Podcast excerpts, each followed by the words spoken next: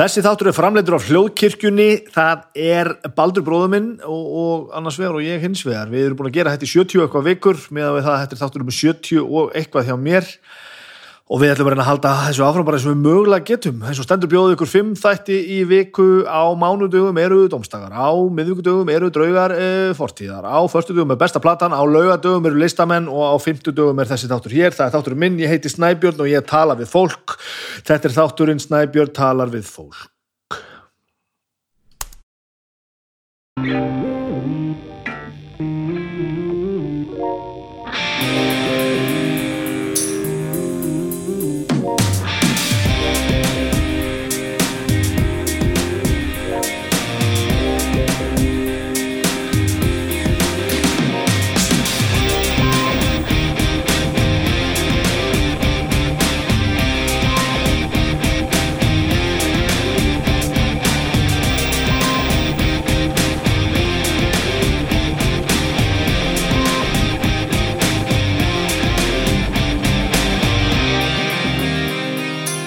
Það held ég og jam og jæja og velkomin í þáttum minn Snæbjörn tala við fólk.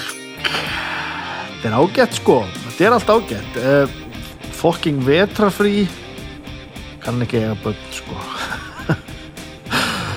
Vetrafrí í grunnskólanum hjá önnu, hún er í fyrsta bekk og ég hef aldrei átt barn í grunnskóla áður. Og þá kemur allt í hennu bara svona eitthvað frí sem allir voru náttúrulega löngu búin að láta maður vita en maður kannski bara fatta það ekkert alveg. Þannig að þá er maður eftir að gera alls konar djúfisir rástafanir og það er blef, blef, uh, allar góðar vættir blessi vinnuna mína hafa pipar sem að hjálpa mér eins og mögulega hættir að leysa úr glappaskóttu mínum þannig að ég er nú bönn sem betur fyrir vinnu það sem ég get unni heima svolítið mikið þegar því ég er að skipta Já, annar er búin að vera hérna aðeins heima. Að græja, förum aðeins út til labitúra og, og græjum og gerum og förum út og borðum í háttegin og svona en annars er hún að dunda sér hérna eitthvað tekna og skrifa og regna og ég er eitthvað að vinna. Böbbin sem betur fyrir leikskólan sem betur fyrir hann og gott að losna af hann. Nei, það er ekki þannig en hann, hann er aðeins öðruvísi bann það er ekki hægt að vinna þar sem hann er nálegt ég reyndi það í COVID og það var ekki hægt Já, já, já, já. Þetta er allt saman gott, þetta sleppur allt saman og þetta, þegar þið eru að hlusta á þetta þá er þetta vetrafís mál búið og ég er búin að leysa þetta allt vantarlega með hjálp frá góðu fólki og, og mér sjálfum. Í bland. Í bland. Þetta er alveg sem þetta nú búið að vera frekar rólegt sko, stóra aukvötunin er eh, eh, ég, ég íttur lóksins að play á, á hérna, sjómarserju sem ég hef búin að horfa lengi til og var ekki búin að tekka á og ég man ekki hvernig ég fretti af sko, kannski er ég bara rosa setna á vagnin og allir eru, allir eru búin að horfa á þetta. Það er seria Normal People 12 þáttar míniserja framleitt af, af Hulu og BBC uh, Írst Írst stöf Írski leikarar, írskur veruleiki og eftir skáldsögu eftir, eftir konu sem heitir Sally Rooney. Og ég vissum að allir sem lesa skáldsögur og fulli vita hver hún er að því að hún er greinlega að slá rosalega mikið gegn sko og, og er ný, bara, ég held að sé ný bók, ný lent bara núna, þriðja bókanina hún er sérst búin að gefa þrjár bækur og happy, nei ekki happy people, normal people er sem sagt önnur bókininnar sem kom út held ég 2018, 2018 sennilega, 2018 og svo var þessu breytt í 12 þáttar seríu, bara svona hálftími hver þáttur eða eitthvað og þetta var sem sagt sínt í fyrra, 2020 var þetta, var þetta klárt? Uh, og þetta er ógeðislega gott stöf ég horfði á þetta húlu um, og við Agnes Bæði. Þetta er svona ástýr og samskipti fólk sem er ekki alveg með sitt sitt á hreinu. En, það er svo miklu meira það. Þetta er, sko, þetta er svo vel leikið að ég, ég, ég fikk gæsa hóð og, og tári augun til skiptis og hló hérna upp átt bara eins og einhver, einhver, einhver api ótrúlega fallið samskipti á milli fólks. Uh, líka eðlileg samskipti sem voru, voru gerð skemmtileg sem gladdi mig ofbúslega mikið. Bara maður sem tala mjög reglulega við mömmusin í síman og það er svona eins helbreykt og hægt að hugsa sér sem er eitthvað svo ótrúlega fjarrið sem að sér yfirld í, í, í bíomöndum og sjónvastáttum, það er alltaf einhverja öfgar í einhverja skrítnar áttir, en svo eru öfgar í alls konar áttir. Eh, eh, mikil og falleg og oft frekar undarleg erotík uh, ofbóðslega skrítið samtöl og ofbóðslega svona, svona sannar aðstæður uh, en svolítið svona já, svona fucked up fólk í fucked up aðstæðum svona, en eitthvað sem allir einhvern veginn tengja við ég veit ekki hvað ég var að segja sko. þetta er hérna ég er, ég er svona gæla við að lesa allavega þessa bók og, og kannski þá bara vonandi hinn og tvær eftir, eftir Sally Rooney í, í, í kjölfarið uh, ég, ég svona, mér fannst á þættinum að geti verið að mögulega væri hérna, væri þetta uh, samið fyrir uh, var þetta svona meira svona young adult bókmenti sem kannski myndu transleitast aðeins svona öðruvísi yfir á, yfir á, yfir á skjáin hann er mögulega er þetta svona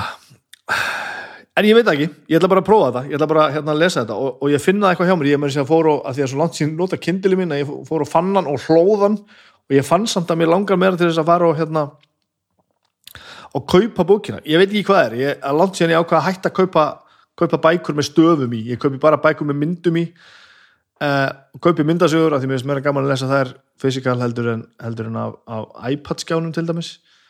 En, en svona prentað mál ég hef búin að losa mig um alla bækundar mínur og les ekki mikið af svona bókum það sem eru bara stafir á blaðsjónum en allavega normal people, þið annarkort hérna, þið skuli tjekka þessu annarkort bara beint í þetta sjónasefni eða tjekka þessari bóku á undan ef þau eru ekki nú þegar búin að því. Svo bara ég bara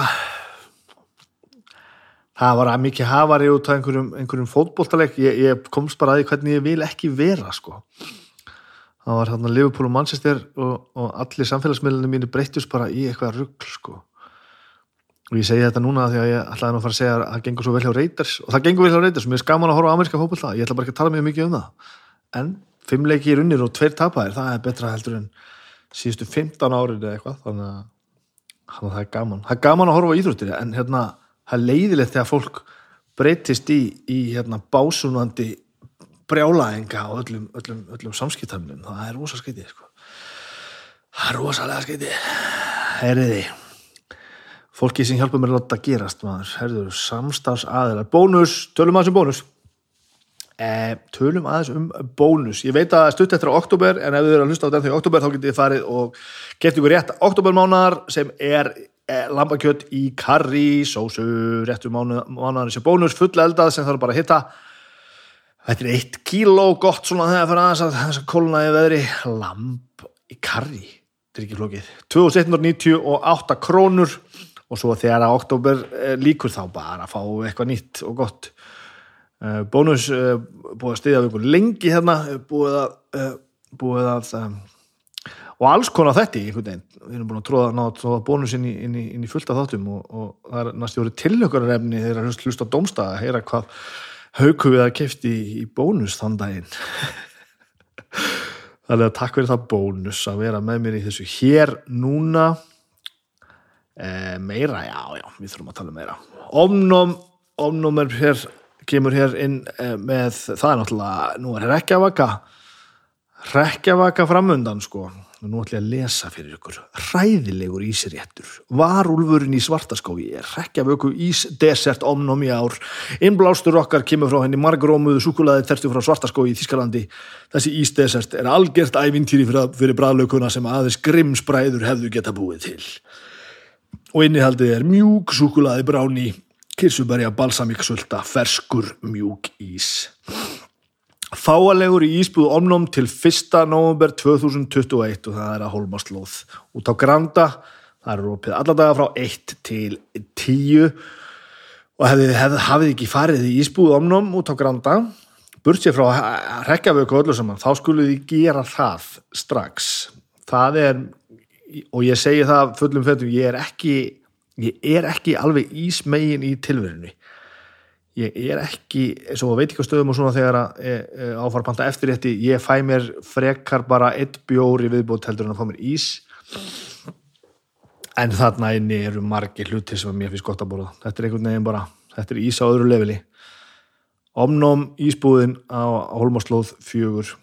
Tekja á þessu, þessu hérna uh, þessu rekjavöku gríni höfð með vilji það en svo bara svo margt og margt annað sko Það var nú omnum og svo er ég hérna, þurfum við nú að tala eins og alltaf um Síman Pay sem er mjög skemmtileg tenging í dag. Við erum að tala um þriðudags eh, fram á þriðudags tilbúið, heitir það ekki, þriðudags fram á þriðudags tilbúið og núna eru við að tala um tilbúið sem er gangi núna og það er eh, omnum. það er nú svo gaman. Ég vil fá að trúa því að þetta sé eitthvað tengt í að, Simin Pei og Omnum eru búin að vera með mér hérna mjög lengi þannig ég ætla að trúa því að það samtal hafi komist á þar í gegn en þið getið farið inn á á uh, Simin Pei appið sem er frýtt og þið getið notað öll sem eitt alveg bursið frá því hverju eru í viðskiptum og þar getið þið keift eh, omnómsúkulaði plötur sem venjulega myndu seljast á 790 krónur þið getið fengið þær á 500 kall það er gegn, það er útlegst sem 37% afsláttur og miða við það sem ég er búin að vera að borða hér á ofnum frá því að þetta samstaf byrjaði þá, reikna, þá, þá mæli ég með því og ég gerir þetta í alvörunni fullri alvöru þá mæli ég með því að þið, þið pantið ykkur eitthvað sem að ykkur finnst ótrúlegt að ykkur eigi eftir að finnast gott. Það er eiginlega alltaf þannig búið að vera að þegar ég opna hérna einhverja plötu sem að mér finnst finnst svona frekar ólíklegt að eftir að toppa það sem ég finn, held, það sem ég held að mér finnst best þá eru allt frábært. Þetta, þetta sem ég held að sé undarlegt sem er svo náttúrulega kannski alveg undarlegt en það sem ég held að sé eitthvað að henda mig síður þá, þá verð ég alveg hút sko. þannig að þannig er nú þessi vika uh, að fólkinu sem er að hjálpa okkur með þetta. Það er bónus, það er omnum og það er símin pay ljómandi og ljómandi og ljómandi gott ljómandi gott um, það er best að ég tali aðeins um það sem er að gerast hjá okkur viðbútt hjá hljóðkirkjunni áður en ég hleypi þessu spjalli að hjá okkur hérna, hjá okkur Ötta Blöndal uh, þegar að þetta fyrir loftið þá er ég nýbúin að tala við Rúben Pollock í hljóðfarahúsinu það er sem sagt 27. oktober, miðvíkudagur sem er uh, í gær eða út að hlusta á þetta í, í, í rauntíma og það sem þessi þáttu kemur í, fyrir loftið á miðnatti þá er þetta bara fyrir fjórum klukkutímum cirka síðan, cirka þannig þið getur fara að tekka á því á hljóðfarahús eh, Facebook síðunni, þar er það í betni í hljóð og mynd mjög gaman og mjög gaman og svo ætla ég að minna ykkur á að það að hljóðkirkjan uh, og áhörfundur verður í annað skiptið 15. 14. november á Hurra síðast voru þetta draugar fortíðar að tala um Vilda Vestrið en núna ætla þeir hjá bestu plötunni að tala um Soundgarden besta platan með Soundgarden live á Hurra með áhörundum í sal e, þið getur komið og spjalla við okkur og, og, hérna, og haft skoðun og, og greipið frammi og hlusta með okkur á tóndami og í hvað og hvað 50 dagar í 4. november og miðasalan er á blúsandi siglingu á tix.is uh, síðast var alveg kæft uppselt þannig að endilega tryggja ykkur með að áður en allt fer til helvítis. Og hljóða að hætta þessu bladri þið uh, komið nú ekki hinga til að hlusta mig segja ykkur eitthvað annað. Já, þú veist, jú, örgulega gerðu það. Þið hlustuðu bara ef þið vilduð uh, það sem gerist núna er það að þið ætlaði að hlusta á mig og auðun Blöndal. Eh, það er maður sem hefur greinlega helling að gera. Eh, ég þekkti auðun ekki mikið ára en að komingað og við áttum mjög áhugavert spjall. Mjög áhugavert. Það er mjög hérna, ég veit ekki hvort það heyrist. Við þurftum að, að, að þreyfa hvora öðrum. Við séum báðir svolítið svona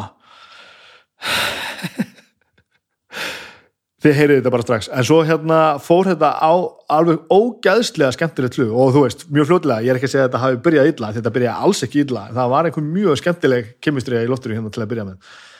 Um, þetta byrjar örgulega svolítið bratt, Baldur þarf örgulega að klippa þetta aðeins til því að ég, eitthvað gerist. Ég gæti hafa glemt að íta bara á rekk þegar hann kom inn.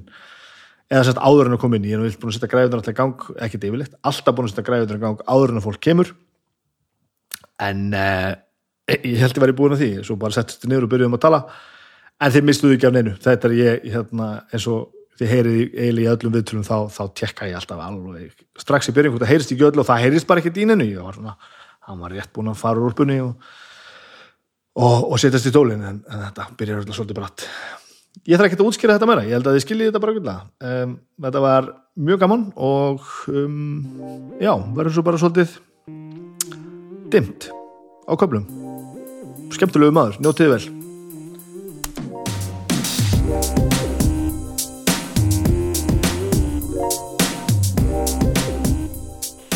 Ég veit ekki hvað sem byrjaði aftur bara.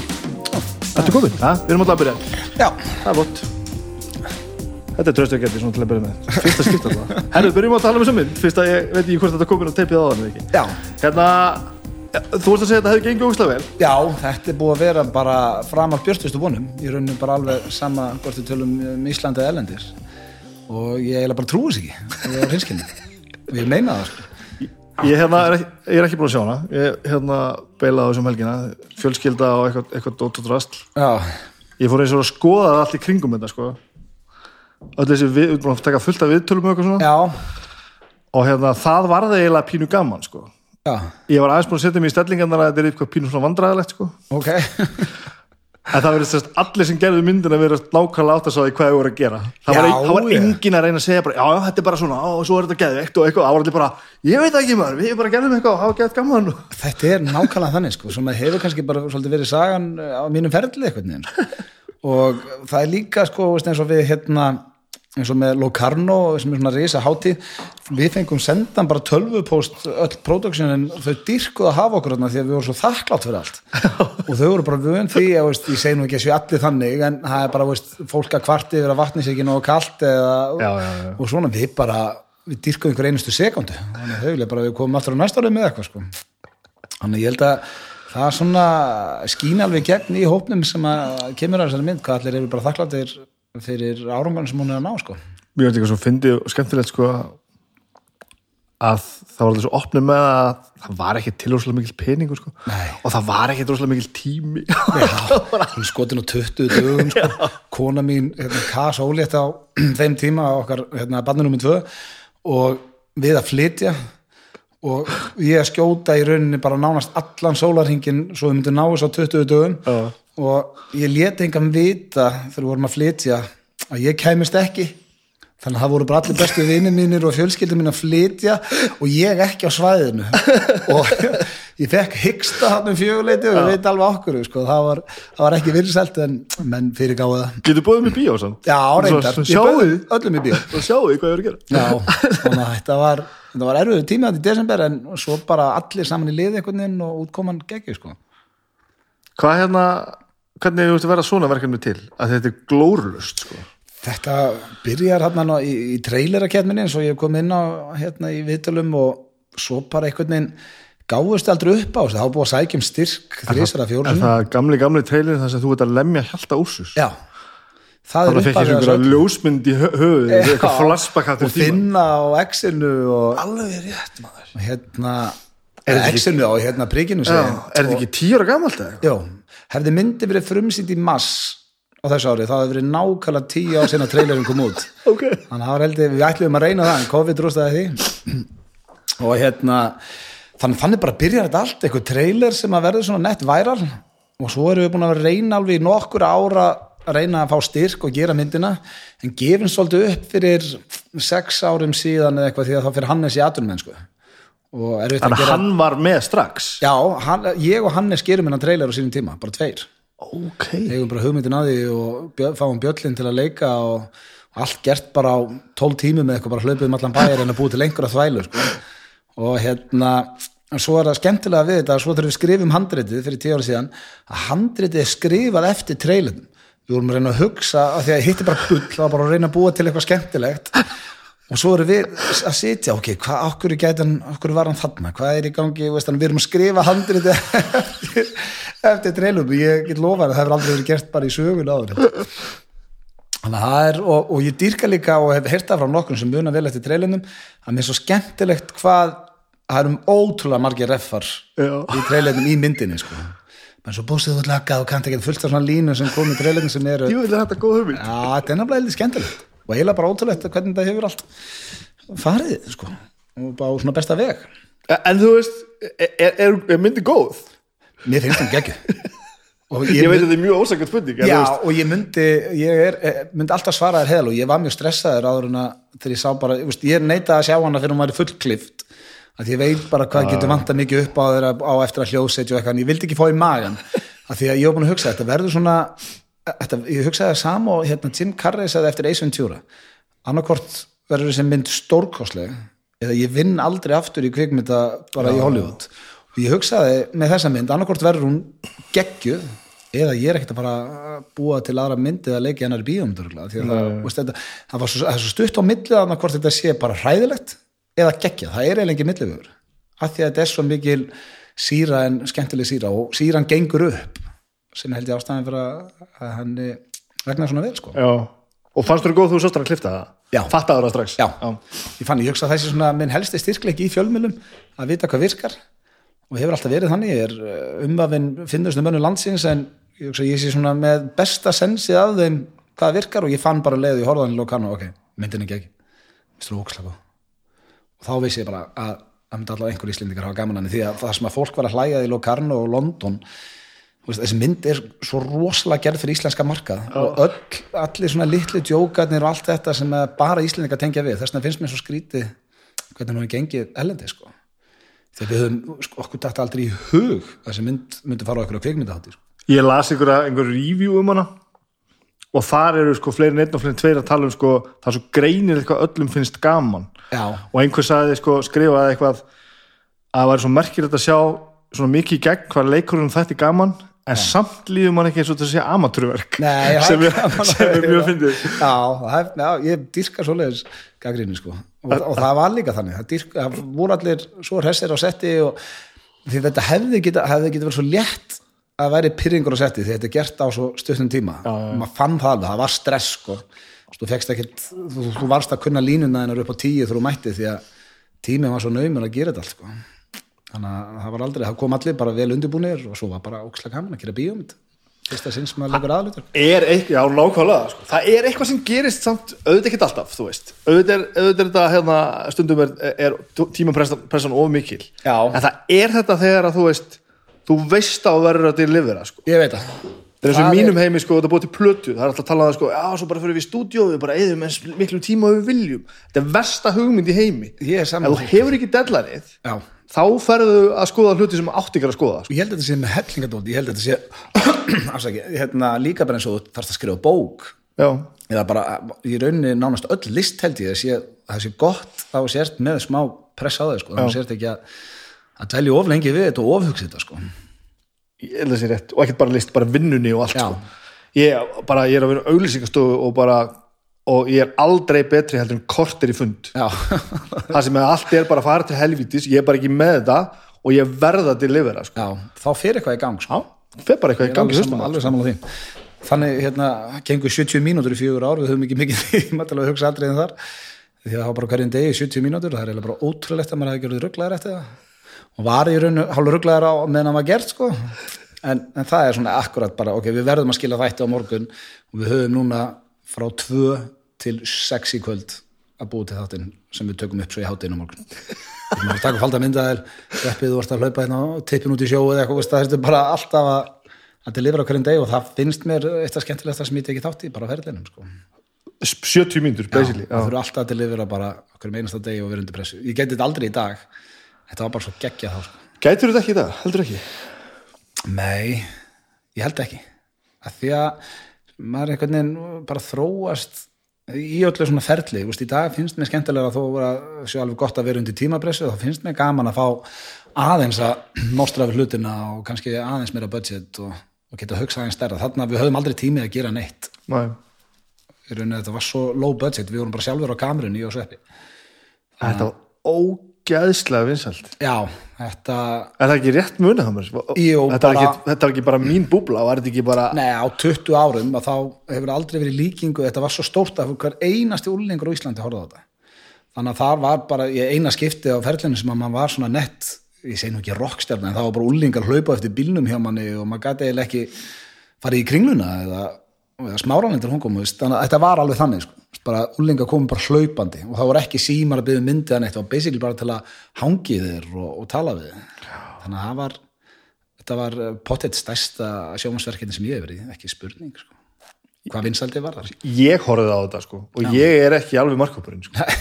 Og ég hlusta aldrei á þáttiðin skilur ég, ég, bara, ég er ekki alveg þarna. Nei, ég það. En ég, ég horfði á þetta bara Já, og, og bara sótti í það sko. Já, það. Ég veit ekki alveg af hverju það var sko. Það var eitthvað fílingur á það bara sko. er það ekki bara máli, þetta var bara eitthvað svo Já, bara, veist, það var ekki eh, svona mikið í bóði veist, eins og fólk getur núna, það eru endalusar streymisveitur og þú getur farið á netið og bara gerst, þarna er netið náttúrulega alveg komið en ekkert í líkingu það sem er í dag Já. engin samfélagsmiðlar eða neitt þannig að, veist, klukkan tíu á kvöldin þá bara heldur það ég að leggjast upp í rúm og, og kíkja á, þrjá vittlýsingar sko. og bara sjá það spjalla og eins og, veist, þetta var svona bötti fílingu bara. Það eitt, að því að ég var að, aðeins búin að velta sér fyrir mér að því að ég aðdraðandur með þessu sko. af, af hverju þess ég hafi nefnt að nefnt að horfa á Já. nefnt, þú veist það hljómar ekki vel. Eh, ég held að málið hafi verið sko, þetta er svolítið eins, og með Jackass. Það er þessi yfirgengilegheit sko, ég er ekki kannski líkjusbænt saman með Jackass. En þetta verður aldrei ljótt þetta verður ekki rætið sko. Nei, aldrei, það var aldrei ætlunin. Rob Snyder kom einhvern veginn til landsins og baðum, hann var svo hérna áhuga samur um þáttinn að hann baðum að láta texta fyrir sig þrjá þætti svo hann geti horta á. Svo senda hann tölvupost bara hérna að þetta væri mjög stafn svo fallega orðað hjá hann hann sagði þetta er Jackass with heart and soul eða eitthvað svona, þannig þetta var ekki bara menn á eitilöfum að meiða sig nei, nei, heldur væri þetta að það væri hjarti í þessu og þannig að hann var mjög ánægð með þetta á sín tíma allavega. Það er eitthvað svo fallegt þegar yfirgengilegheitin verða svona mikil sko, án þess að menn séu bara að gangast upp í að vera bara ógeðslegir sko. það, og það er ekki gaman. Nei, það þarf að passa þá línu sko. hún er mjög mikilvæg það þetta ógeðslega skemmtilegt sko. herru, vinnum okkur eitthvað, eitthvað upp þessu. Hérna, hvernig að það, að í heiminum sko. byrjum bara á þér bara, bara í byrjun, sögurkrókur Krókurinn, er, það bara, er það ekki fyrsta? Jó, þar byrjar í rauninni svona þessi ferill. Eh, og hann byrjar eiginlega að í sjöunda bekk að það var ásatíð og mér langaði svo að gera eitthvað. Og ég mæmaði vitni Houston. I will always love you. Og var í ykkur rauðum kjól og eitthvað og, það var svona fyrsta sem ég gerði og svo var ég byrjar að leika í svona leikritum og revjum þar. Og fannst það ríkalega gaman og langaði að gera meira en svo hérna uh, basically kemur sýsti mín og sækir mig bara á krókin með skotti á milli lappana því að fóreldrar mín skilja þegar ég er átjánara og þá er ég ennþá í, í fjölbyrðinni þar og er búin að kaupa mér gegn öllu allri bara hvað segir maður, röggréttri hugsun kaupi ég svona Hyundai Coupe á 100% láni. Mamma mín og allir búin að segja mér að gera ekki pappi og bara allt fólk í kringum mig en mér langaði svo að rúnta á einhverjum sportbíl og sögurkröki að ég keift hann bara samt. Skrifa hann á ömmugreið eða þess að hún var skrifað undir. Og þannig að þegar fóreldrar mínu skilja að þá fer ég allt svona bara í vaskiranda fyrir norðan því að ég er að reyna að halda áfram að klára skólan tindastóll, ég var ágættur í fótbolta þeir voru að borga fyrir mig herbyggi sem ég var í, eða svona íbúðina. Eða íbúð, bara herbyggi. Og hann ég er að reyna að klára skólan, ekki vinnu fóreldrar mínu farin og allt í rugli. Og bara bílalánið hrannast upp. Ég er búin að skrifa á mig út um allan bæ. Ég, ég skuldaði hlýðakum bakarínu ábæ var svona, veist, hekt alla og, og náði einhvern veginn alltaf að, að græja mat.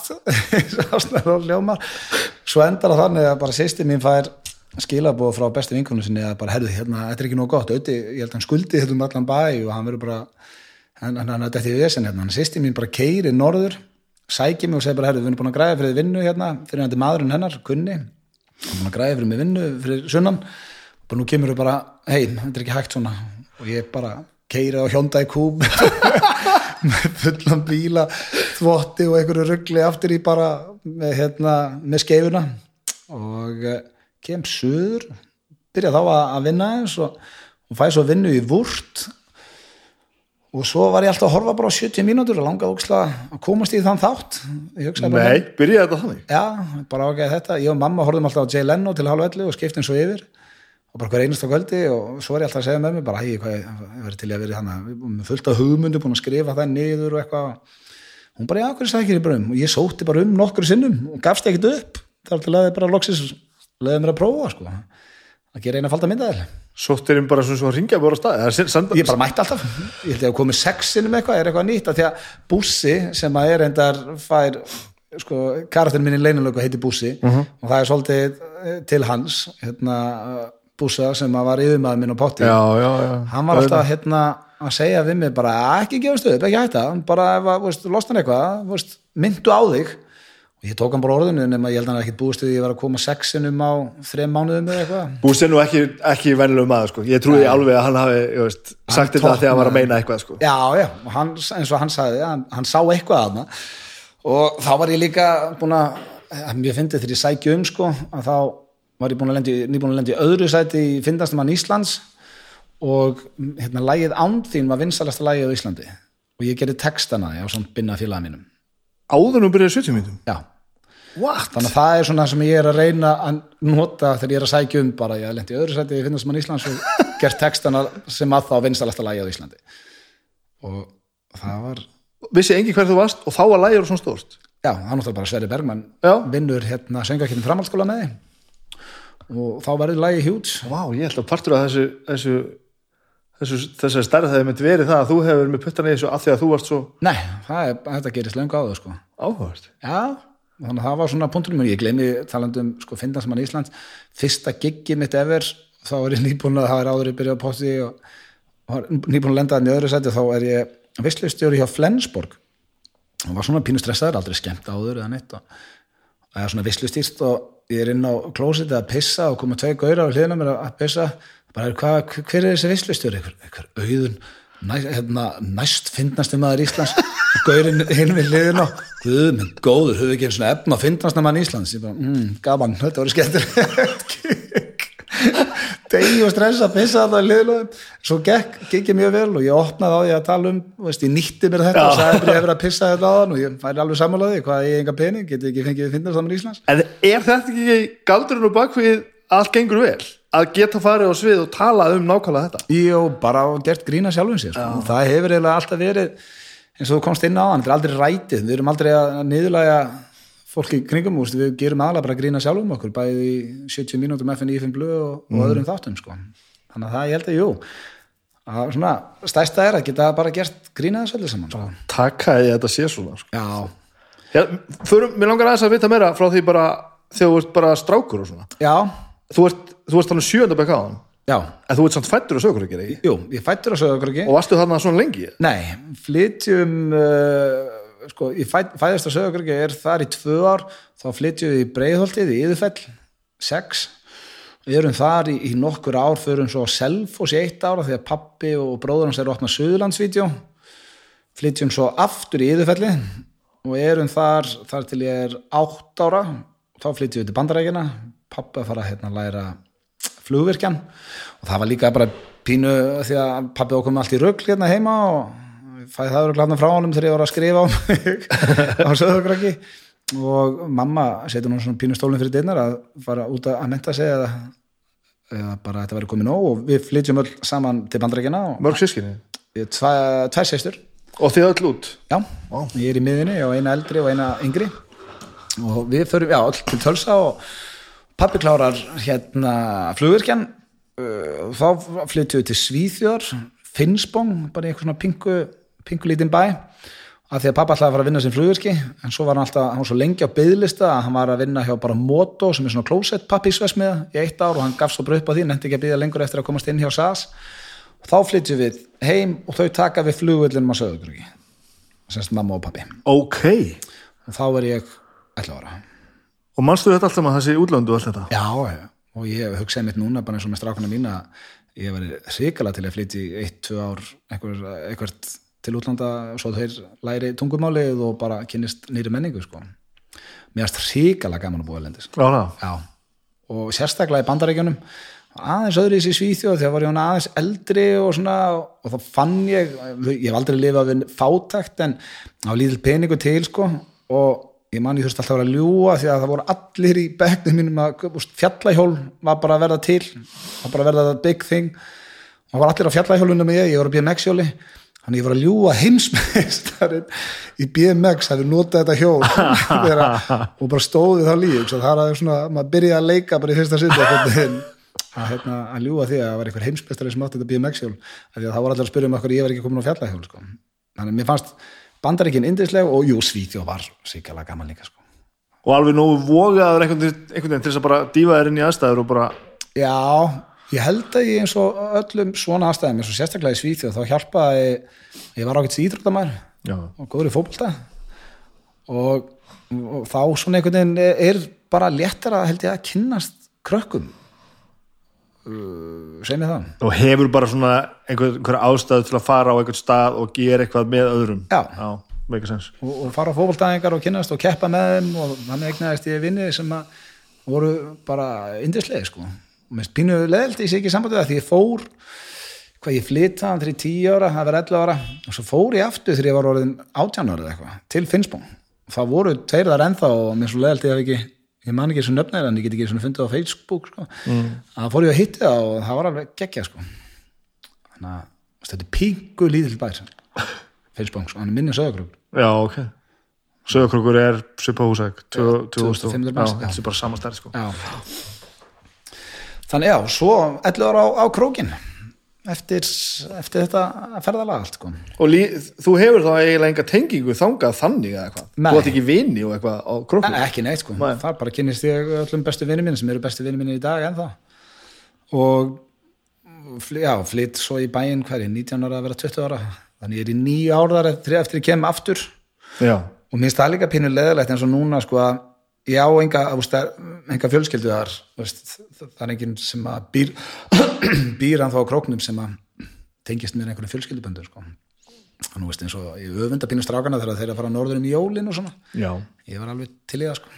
ég, ég er á ótrúlega góðum stað með þetta af því að ég er sem sagt mamma mín er bara af skaganum, bara af skaganum og pappi var bara, bara reykingur já, og þau sem sagt rottuðu saman og flúðu Norðurland flúðu bara alkoholism á heimilistastæður sko. Já. og við, við byggum svo laugum hana sem er rétt innan við húsæk þá frá því ég er eins ást til 12 ára og svo 12 ára flyttið til húsækur og svo er ég í rauninni bara farið fyrir 20 svo deyr pappi og mamma flyttur hingað og þá er enginn sko. Nei. En konan mín er frá húsæk sko. Akki. þannig að ég á alltaf gateway til þess að fara heim að því mér líður eftir þess að ég sé að fara heim og við erum bara með rúm og bara kója fyrir krakkana heima á ömmu og afa. Það á meðan að sískinni mín bara fara til húsækur þar sem að allir vinnir þeirra eru eins og, eins og mínir Já, en þau þurfa alltaf að byrja á því að redda sér gistingu sko. og það er bara, sérstaklega komið fjölskyldu bara, það er ekkert kósi sko. nei. Já, ég þessu. Þetta er, Ég væri virkilega til að hafa eitthvað svona. Ég var til að halda í konuna mína bara út af þessu sko. Já, ég hefði átt að byrja með bara stelpa á söðakriki Já. Rakel Kórabíl bótt þetta hlusta á þetta. og leysa þetta. Já, En hvað, hvaða stefnum þá tókstu þannig þegar þú lendir aftur á úst, þetta sem endaði í hjóndanum, var þetta beint strik þangað eða var þetta ég bara var svo mikil vitlýsingu sko. og hef alltaf verið það, sem betur fyrr þroskast maður og læri sko. að þetta var veist, ég var líka, ég var latur sem, þegar ég hugsa nú tilbaka sko, og veit það því að ég lagði aldrei ég lagði aldrei neitt aukala á mig ekki, veist, ég eins og kom inn á hann ég var fyrir fótbolta, en ég einhvern veginn skrópa alltaf í útilaup og mætti aldrei einhverja liftingar eða neitt og mér er ríkala gaman að lifta í dag. Og, og laði aldrei neitt aukala á mig og svo ekki heldur í vinnu. Vist, ég hekk í öllum vinnum bara því ég var fínn upp á móralin sko. og þess vegna mann ég eins og bara þegar tækifæri gafst í 70 mínútum og þegar ég hérna, náði að vinna með þar inn þá lofaði ég bara sjálfum mig bara, ok, nú bara gerum við þetta við manni bara svona hálf talaði við sjálfum mig. Nú bara, nú kveikið við öllu. Og ekkert kæft það og vissir þá upp á því sökina? Já, það er bara ekki spurning, ég var löngu búin að fatta það. Já, ég var búin að fatta svona í kringum dítut bara hvað ég væri mikill lömingi sko. og þetta gengi ekkit því ég væri bara að vera fullorði maður og ég netti þess ekki. Þannig að þeirra tæki verið að koma og ég verið ekkit litið tilbaka síðan sko, því að það var líka alltaf ég sagði þetta einmitt um daginn í einhverju viðtali að það var alltaf verið að spurja mig í, í 70 mínútum, allir strákarnir voru í háskóla og það var líka úst, annað sko, ég var byrjað að ljúa að ég væri í 70 mínútum áður en ég byrjaði í 70 mínútum. Því að ég var alltaf að horfa á þáttinn og búin að sækja um fjóru sinnum þá eða eitthvað, fjóru sinnum af sex mann ég svo til sex sinnum um. Svo var ég í einhverjum partíum, einhverjum skólapartíum með strákunum að þegar ég var spurður, já, hvað er það að læra? ég að, að ég er ekki að læra, ég er að vinna. Að hvað er það að vinna? Uh, vúrt, nú, að við erum bara, veist, hellinga svona dóti, verka dóti og veist, pappir og eitthvað. Ég sá bara alltaf, veist, að dó bara eitthvað, hérna, já, ok ég ætla að fara að tala um einhvern annan um hvað hann sé að læra og, bara svona pínu litið niður á mig í partíunum. Þannig ég hugsaði með mér, ok, þetta gengur ekki. Þannig að næstur ég og spurður í partíu bara, hvað gerir þú? Já, ég er að vinna hjá vört en ég, hérna, ég er að fara að byrja með strákanum í 70 mínútum. Já, já, alveg, já alltaf, bara svona bleitant líi Já, bara. Ég er að fara að taka upp eitthvað að falda myndaðal með þeim og eitthvað og það búið spennandi og til að fá einhvern veginn hvernig, logið með inn í einhverjar svona, einhver, einhverjar hre- meira hressandi uh, samræðu sko. lukkulegu með hvernig þetta spilaðist Já, ég held samt að þetta sé eitthvað svona, hvað heitir þetta, eða eitthvað heldur það? mm, ég trúi náttúrulega ekki á eitthvað svona böll en það er allavega ég, ég trúði svo rosalega að ég væri að fara að vinna þarna ég var að byrja að ljúga því sjálfur og, og svo hefnaðist það Já. Já. En hvað þá með skóla og svona, varst aldrei að leiðin neitt svo þess Ég veist að klára að borga bílinn. Það vildi ekki kaupa hann, ég reyndi að selja alltaf risvar. Þetta var sko, ég, ég keift hann á 1,3 ár ég held ég að enda á að borga 2,5 fyrir hann og ég seldi hann á 200.000 þetta er bara hræðilega og þetta, þetta við erum að tala um árið 2000 sko, ég kaupa 98 þannig að það var, var lærdómur. Því líkur rýmændir ekki að tala um hennar bíl sko. já, Vest að hafa seltan þetta er að eiga hann helst einhvers staðar. það eru besti vinnum við reynda að kaupa hann fyrir þrítugsamálum mitt. Og ætlaði að gefa mér hann í ammæliskeitt hann er komið til Pólland ég, ég skil ekki hver flyttu þennan bíl til Póllands því að þá hann er hann gamall og ég hugsa sér dýrara að flýja setja hann í skipið heldur en að kaupa bara nýjan bíl held ég. Einhver hópless aðdáðandi nei, hann hafði ekki hugmynd um Nei, það. ég veit það. þannig að þú þá, hvað ertu, hvað ertu gammal þegar þú byrjar hann í 70 myndum? 21 árs Og þú ert búin að gera þetta síðan bara. Þarna bara lendir þessu og þetta er bara búið að vera strikk síðan. fyrsta falda mynda, sko, leynilögga er frumsýnd 20. oktober, fyrsta falda myndalinn sem var sínd með mér í, á potti var 27. oktober þannig að myndin kemur eiginlega nákvæmlega 20 árum síðan eftir frá fyrstu falda myndalinn Wow. þannig að þetta er, já, komið 20 ár fljótt að líða með Og þú ert búin að, er, þú ert ekki búin að gera neitt annað, þú, ég, veist, ég er búin að gera mjög margt, en ég meina þú ert ekki búin að fara bara, að nú ætlum ég að fara hérna í skóla eða að nú ætlum ég að fara að vinna í vúrð aftur. eða. Nei, ég er búin að vera hjá sama fyrirtækinu í 20 ár. Og mitt stærsta, held ég bara starfsaldrun það eru nokkri frá með en ekki margir. Og eiginlega bara við að láta svo fíbl. Já, Eða svona skipulega að láta svo fíbl, sko. En svo finnst mér ríkala gaman að taka verkefni sem að er ekki fíblaskapur mm -hmm. svona inn á milli, þó ég hef gaman að fíblast í útvarpinu og þeirra þættir eins og atvinnmennir okkar og, og kynna talentið og allir geta að dansa og svona finnst mér ríkala skemmtileg líka sko. þannig að þetta sé ekki bara allt fíblaskapur Þetta með kynnadjópið, gott þú komst inn á þetta. Hvað er svona skemmtilegt við þetta? bein útsending sem að er eitthvað sem ég hef aldrei gerst á, á mínum ferðli áður sko. bæði eins og með talentið og, og allir geta að dansa það er, það er eitthvað fílingur að vera í beinni og fyrir svona spilafíkil eins og mig að þá hugsaði, ég gleymi ekki þegar ég var í fyrstu beinu útsendingunni í talentinu þá var ég að hugsa með mér bara ok ég gæti bara rústað öllu núna bara til lappinu sig, úst, ég gæti sagt Já, eitthvað, já, gert já. eitthvað og það er bara, úst, ég eðaleg þáttin og það, þetta var alltaf í haustum að mér veginn.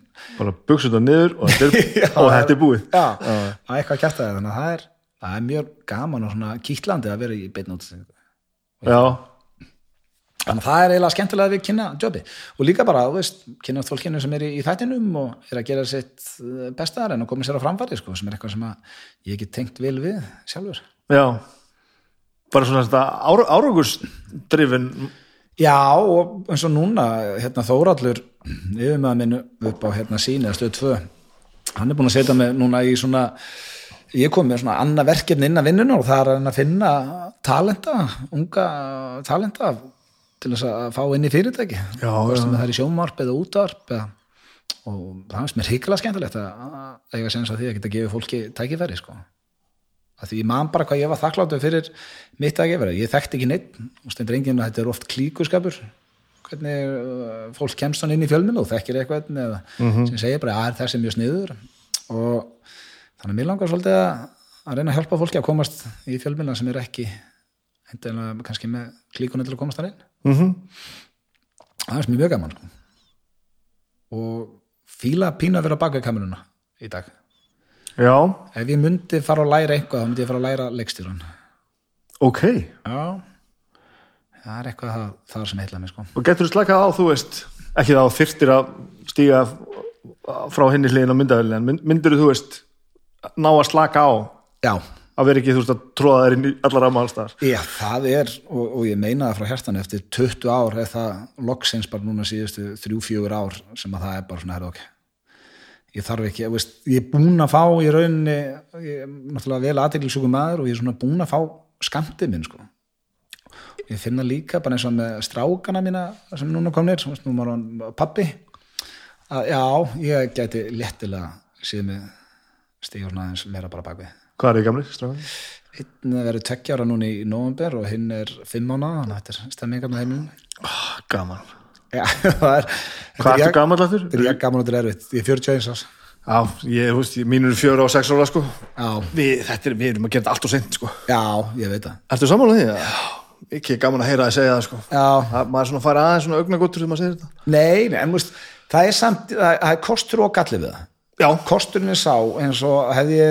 eignast múst, eins og núna ég var bara enda við að segja, mér finnst ég að hafa þroskast í það síðustu fjögur ára, ég get farið frá kamerunni og, og múst, ég segi, múst, draga mig úr sviðislega eins astnalega hljómar, að, að ég eignast bad 27 til svona 33 fjögra, þá hefur mér alltaf finnst ég að missa einhverju. Múst, ég, ég var byrjað að halda á sínum tíma að ég myndi bara aldrei hætta að fara niður í bæ og fara á djammi, ég var að hugsa bara hvort ég væri eitthvað heftur ég ætlaði bara aldrei að vaksa upp úr því að verða að fara í eitthvað leiði eitthvað ból eitthvað í bæ og láta helsa mér og, og vera fullur.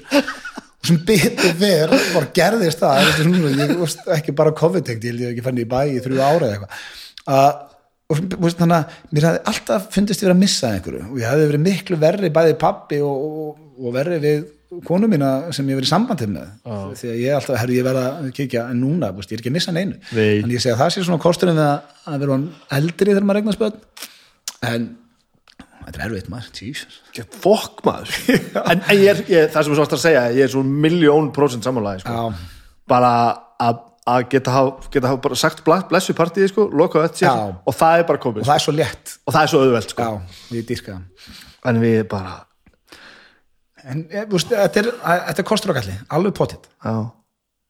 Ég upplifi sko bæði bara veist fólk er eitthvað að klínu svo að maður sé bara orðin og gamall og orkulaus og eitthvað. Þetta er ekki það. Nei, ég upplifi bara að mér er bara á þess að vera sérstaklega stoltur af því Já.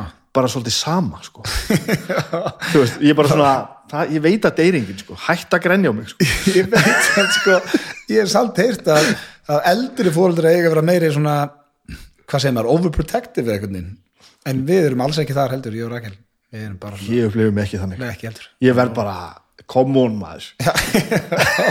Ég veit að, svo Teddy eldri strákurinn sko, það er, svo fyndi kona mín kallar hann Teddy Taylor, því hann tekur svona Elizabeth Taylor tantrum kost og hendi en svona vital hann er mjög myndalögu krakki, það er svona vitið það sko það getur alveg gert okkur ruggli heima sko, og svo er líka það sem er mest erfiðast að vera pappi og kannski að fólk viti hver maður er það er ef að krakki manns tekur kast inn á okkur veitingastæðið eitthvað af því að við erum alveg ströng við hann og ég er alltaf allan tíman að hugsa út bara menn ég að labba með hann út og hann er bara öskrandi og að berja í mann einhvern veginn og oh, þau haldur örglega bara að við sem ekki að ala batnið upp já, já, já, já, já. og það er eina svona leðilega við ég tala um hvernig fóreldra hlutverki og að vera í fjölmjölum já. Af því að múst, maður er alveg stranga við hann og maður er að gera sitt besta og við viljum aldrei að leifa um að vera eitthvað frekja en hann er ekki eins og byrjar að tala þannig að held erfitt að segja í honum. Og veist, einu orð, ég held hann að að þetta lendi í svona Sam og Joey ég held hann að keft bók sem byrjar hann, bara með stafinn B.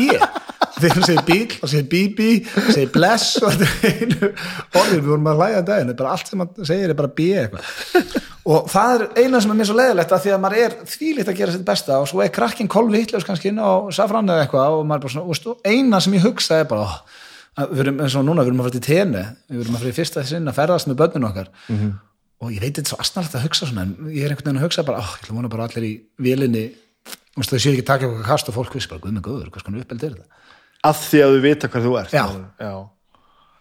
og því að það hefur ekki trublað mig í 20 ára að fólk viti hvað nei, nei, já. Já, ég skilði og núna svona trublaði það mig að því að eina sem ég vil í dag er að ég sé bara góðu pappi Já. og það er bara núna bara minn, allir minn metnar er að vera góðu faðir.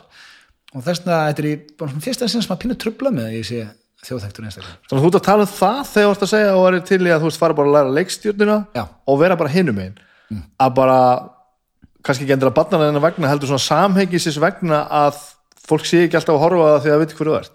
Já, stórpartur magnað. En svo hef ég samt, þú veist, metnaður minn er ennþá að, að leika og gera gott sjómar Úst, ég myndi ekki, ég myndi aldrei vilja draga mig bara alveg úr, Úst, ég myndi halda þeim metnað en ég er, er mikið áhuga samt að fara að skoða að vera líka bakvið kamerunum sko. og gefa bara nýjum talentum séns. Ertu ekkert jafn sjálf og ég með það að finnast gaman að vita til þess að börnin eiga eftir að eiga pappa sem að fólk vissi hver var það hræði mig pínu. Það hræðir meira heldur en þitt? Já. Ef ég er alveg hinskilin, já. Af því að ég nefnilega hef ekkert stórkostlan áhuga því að vera, þú veist, þekktur eða frægur. Nei. en það gefur mér eitthvað, sko. Jú, að börnin mín geti, sko setna mér sérstaklega, sko vita það auðvitað kannski eh, betra að þessu bara stolt af því sem ég gerði sko verkefnunum, Já. en það er samt eitthvað, ég man alveg hvernig það var að þekka eitthvað sem átti frægan pappa eða Já, fræga ég hef mömmu spurt sko. sveppa mikið út í þetta. Sko. og sveppi segir þetta sé svona tveikja sko. Þetta sé jákvætt og neikvætt. Já, því hann á náttúrulega stelpu sem er komin bara í Vestló og strákurinn hans orðin hvað, 16 ára og einn- 11 ára. Aha. þannig að hann er svona búin að upplýta það og sveppi eh, verið í sjónvarpi og vel þekktur öll, öll þessi ár sem hann á börnir sín, þannig að jú, jú ég, ég veit það ekki, það er samt ok, ég segi ekki að ég vilji það ekki en það er eitthvað sem hræði mig við það mm. -hmm. að því að líka núna er bara veist, YouTube og allir þessi samfélagsmiðlar og suma atriði eldast betur en önnur og já, þú að tala um eh, stöffið sem að þið voru að gera og svona Já, svona, og svo kannski það sem er að gera núna verður alveg fáránlegt eftir 10 ár eða 15 ár, þannig að veist, ég hugsa að sé kannski meira það sem hræðið mig heldur en heldur en hitt. En jú, bara þetta mér gaman ef að strákunir er stoltur af pappa sinum og hafi hann gert uh, ansi mikið af sjónvastáttum og útastáttum og bíómynd, sko. svo fyndið að tala um þetta sko, maður verður svo mikill fáið bara automatist sko. Já, bara, þú veist, bara, ég veist gaman að vera frægur því að þú veist börnunum mín maður töf Já, en sko, mér fannst uh, þetta, það var eina sem langaði eins sjálf og skrítið að hljómar að það var að, að verða frægur. Sín tíma já, bara þegar ég er að sækja um í 70 mínútum og svo öll og við sveppum leiða þessu, sveppið var nákvæmlega eins hún langaði bara að vera frægur þannig að við hittu þarna enda höfum við bestu vinnir í 20 ár þegar við kynnum sko. en svo svo fyndið að svo deyr, veist, ég segi ekki að deyr en svona bara, svo bara þroskast maður að þetta allavega heldur þessu ekki gangandi í 20 ár Ja. Þa, það er, þú veist, þó þetta hefur mögulega verið kveikjan sko, það. þetta er sammála því þetta var- það var svona kveikjan að vilja komast í, í fjölmiðla og, og hvað þá? Bara að þú veist fara í leiðökkarnir í bæ og fólk veit þú ert. Það, það er dræfið sko, ég er er hræðilegt að segja frá sem sko fyrstu hvað er það að segja, bara svona fyrsta halva árið, þegar ég er 70 mínútur ég byrja í fa- fallinu myndaðal og ég er ekki komin í stúdíu og svona, þá fór ég första lögata og gauk á stöngi vonum með eitthvað, hei, ertu ekki gaurin í fallinu myndaðal Jó, jó, jó, passar, passar, já, já. Þannig að já, það var alveg dræf að fara bara í bæ og vona fólk vissi hver ég var sko. greisustli að gefa af tíma sinni bara, já, ég, jú, ég hef gett svo sem spjallað þessu. Ah, herru, ég verð að fara að meet my fans. Fólk er svona rétt að segja bara, þetta er ekki gaurin fallinu myndar? Jú, já, vel gert, takk. Og svo að það búi, sko, það var ekkert eitthvað meira en það. Ná, það er þú veitur holdt samt að geta feysað þetta sinna sko. Já, ég er löngu búin að bara feysa það að ég hef alltaf verið alveg stórfyrðulegur einhvern veginn. Og en samt veist á góðan hátt finnst mér sko. Þegar ég, þegar ég hugsa tilbaka, ég hef aldrei aldrei verið vondur og þó veist eins og það er endalega skert grína mig núna í FNI5 blöð og öðru og búið að gera, það í nokkur ára eins og bara ég hef verið að skrifa ástabrif 17-18 ára, ég las ástabrif svo um daginn sko, það var hræðilegt. Það gekk út af hvað bara ég væri frábær og stelpan átti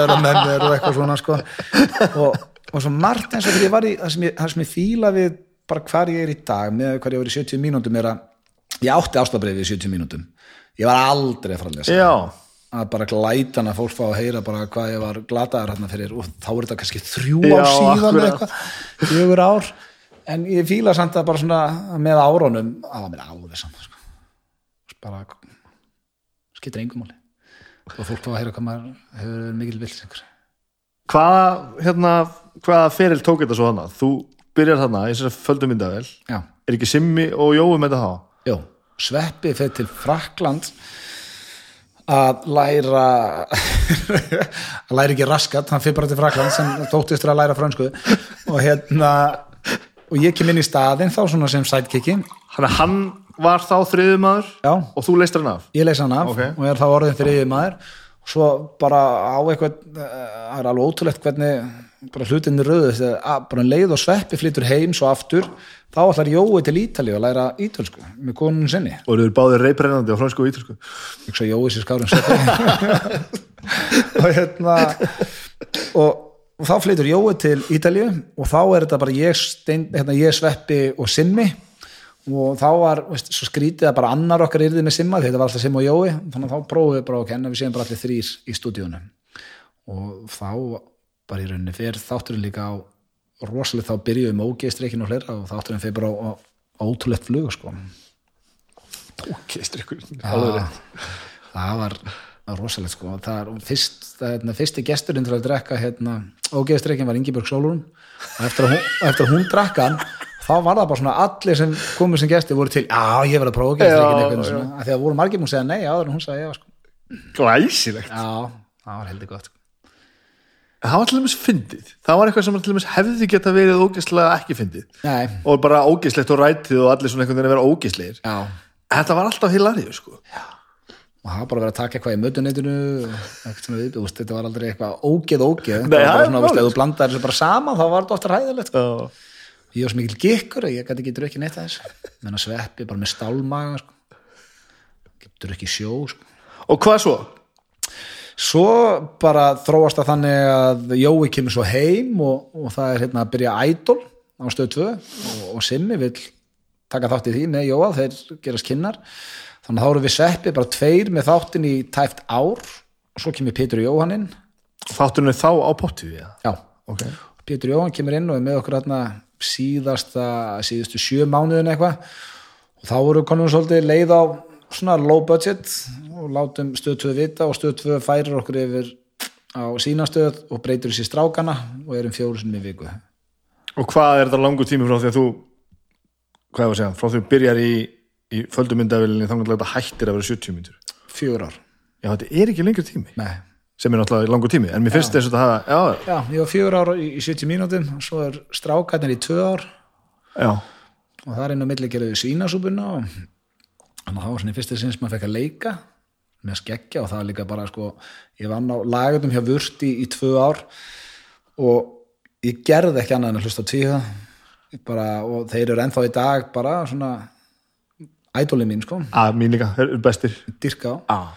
og þess vegna fannst mér svo geggja þegar Sigurjón Kjartansson kom inn á skrifstofu og spurði okkur seppa hvort þau vildum skrifa með sér nýja sketsaserju það bara, það var ótrúlegt og bara moment sem ég man eftir. Og hérna hann Ó, þú vil þetta gefa ekki sagða Þessi móment eru svo góð, sko. Ég veit það. Og það var svo mikill heiður það var líka svo gaman að skrifa með honum sko. hann tók alltaf hérna, á þess að ég sé að gera lítið úr uh, snillingunum í, í spaukstofan en ef ég kom með eitthvað liðlega hugmynd þá kom alltaf, þá sagði Sigurjón alltaf ring ring ring ring. Og ég maður þegar ég spurði hann fyrst bara hvað hvað er það að gera spaukstofu síminn var að ringja auðun. Það er sínt aldrei.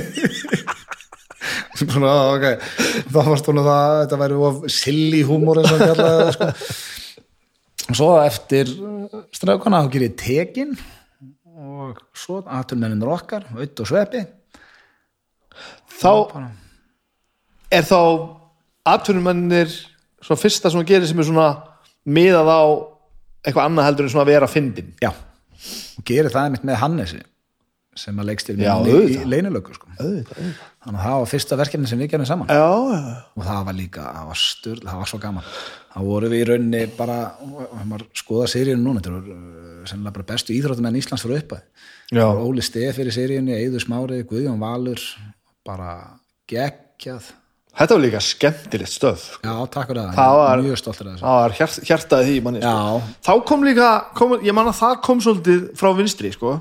Já, af því að þá sá maður því ekkert sem einhvern mann sem var að gera þetta sko. nei. Og að því þú varst búin að láta svo mikið eins og api alltaf þá man ég að maður vantreysti því svolítið og gæti gert þetta. Já, það er alveg rétt sko. Og, örgulega mun fleiri en þú hugsaði sko. svona no joke og það var líka mjög það gaman að að sína að maður væri ekki bara einhver villisingur sko. Og, og finnst eins og í dag finnst mér það ókslega, mér finnst þægilegt að að fá kannski útrás fyrir svona vitlisin í útverfinu en mér finnst ókslega gaman að gera flott, veist, reyndar náttúrulega steipustuðin og, og draumadur og annað, þetta er allt vitlisa Mhm. -hmm. en mér finnst ókslega gaman að gera eitthvað sem er ekki kannski allt bara eitthvað nei, nei, nei. grín. Og, og fíla það sko. En, en þú sjálfur, þú veist bæði, þú veist, treystur þú sjálfur í að gera það upphala og þú veist hefur einhvern svona skurðpunkt á milli? Veist, ertu þessi típa hér og þessi hér eða? Já, sko, ég treystum vel að gera þetta en eins og ef ég horf á fyrstu seríuna núna þá fer samt alveg pínu töðunum er að og sem að ég myndi aldrei gera í dag eins og mér síðasta séri af ef Hannes er að hlusta á þetta, bara sorry Hannes að mér síðasta séri af aðtunumennum okkar finnst mér yfirbyrða séri að fyrstu þreim hérna, með Katrín Tönju og honum hérna Halldóri Helga á- miklu meiri hitt var svolítið bara handbólt og fótbolti Mhm. það sem ég fílaði líka þegar ég horfa á hérna seríuna því ég, sé minn helsti gaggrinandi þegar ég horfa á seríu 1 aðunum mjónum okkar ok, þetta er svona meiri alvar og allt það en ég er samt á svona einhvern veginn að reyna að vera fyndin Mhm. í staðin fyrir bara veist, það er viðmælandin sem á að skína og bara, sem þau gera í seríunni ég er nú ekki að, að gera lítið úr því að veist, ekki ég alltaf einhvern veginn að reyna að vera, veist, að hugsa brandara og ég man bara til dæmis ef ég besta sem, versta sem ég sé er þegar að það er verið að taka viðtölu fólk og þú finnur rosalega, hvort sem er í útverfið að sjónvarpi og þú finnur að spyrillin er ekki að bara hlusta af áhuga af svarið. Heldur er meira en að hugsa hvað á ég að spurja næst og hvernig get ég komið með góða spurningu sem að svona þannig að og ég hugsa að það er pottitt verið hjá mig þá. Ég hef bara verið að hugsa ok, ég ætla að reyna að segja eitthvað fyndið hérna, í staðin fyrir að stundum bara að hlusta og bara vá, hvað þetta eru góð sögur, þetta eru Óli og, og fleiri og ég, ekki miskilin mig, ég er mjög stoltur af þáttin en að því þú varst að spurja hvort að ég veitna, gæti sett línuna hvað er þetta reyna og mér fannst ég ekki gera það nógu vel sem spyrill í fyrstu seríunni með að við til dæmis að horfa á nýjustu seríuna En er það nú ekki líka bara að læra þroskast, Já, og já. líka bara að læra að vera spyrill Já, sko. það er það, fyrsta þannig verkefnið og allt svo leið sko. Já. ekki spurning, maður bara reynslan gerir helviti mikið fyrir mann í bara öllu, Mhm. ekki bara fjölmjölum Síðast þegar ég hitti held ég þá voru og leiðin á hraunið saman. Já, á geggjað. Ég var allir með Já, kannski það bara er að bara bestu, það. bestu tónleikar sem ég séð það þess ég hef aldrei séð hann þess aðfokadagur 2019 19, já, Það ekki? Já,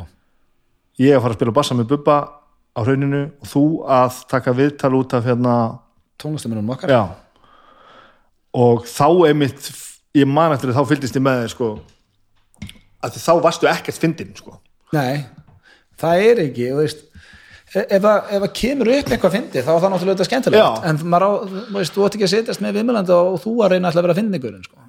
bara alls ekki að þekkistu ekkert, ekkert sérstaklega vel en ég man eftir því sko mann skoðarinn í mér sem skoðar alltaf hvernig allir hefða sér að því að svo gaman Já. ég man að ég, ég dáði staði bara heru, hann er ekkert að reyna að vera þessi, þessi fyndningur sko. og það, það var eitthvað sem gladdi mig mjög við það og varst bara mjög konkrétt í að gera þetta bara bara eins og allir hinni sko. Þú varst ekki eitthvað að reyna að vera eitthvað ykkur öddi einhver út í hodni sko. alls ekki og það er bara eitthvað sem kemur með reynslu sko. eins og ég rós, rósa eftir þessu sjói þegar ég sá playlistan ég er bara guðminn góður, okkur er þetta ekki bara í hörpunni um helgin, ég hef aldrei séð svona þétt sjó þetta var fárálegt sko. þetta er líka svo rosalega safna lögum sko.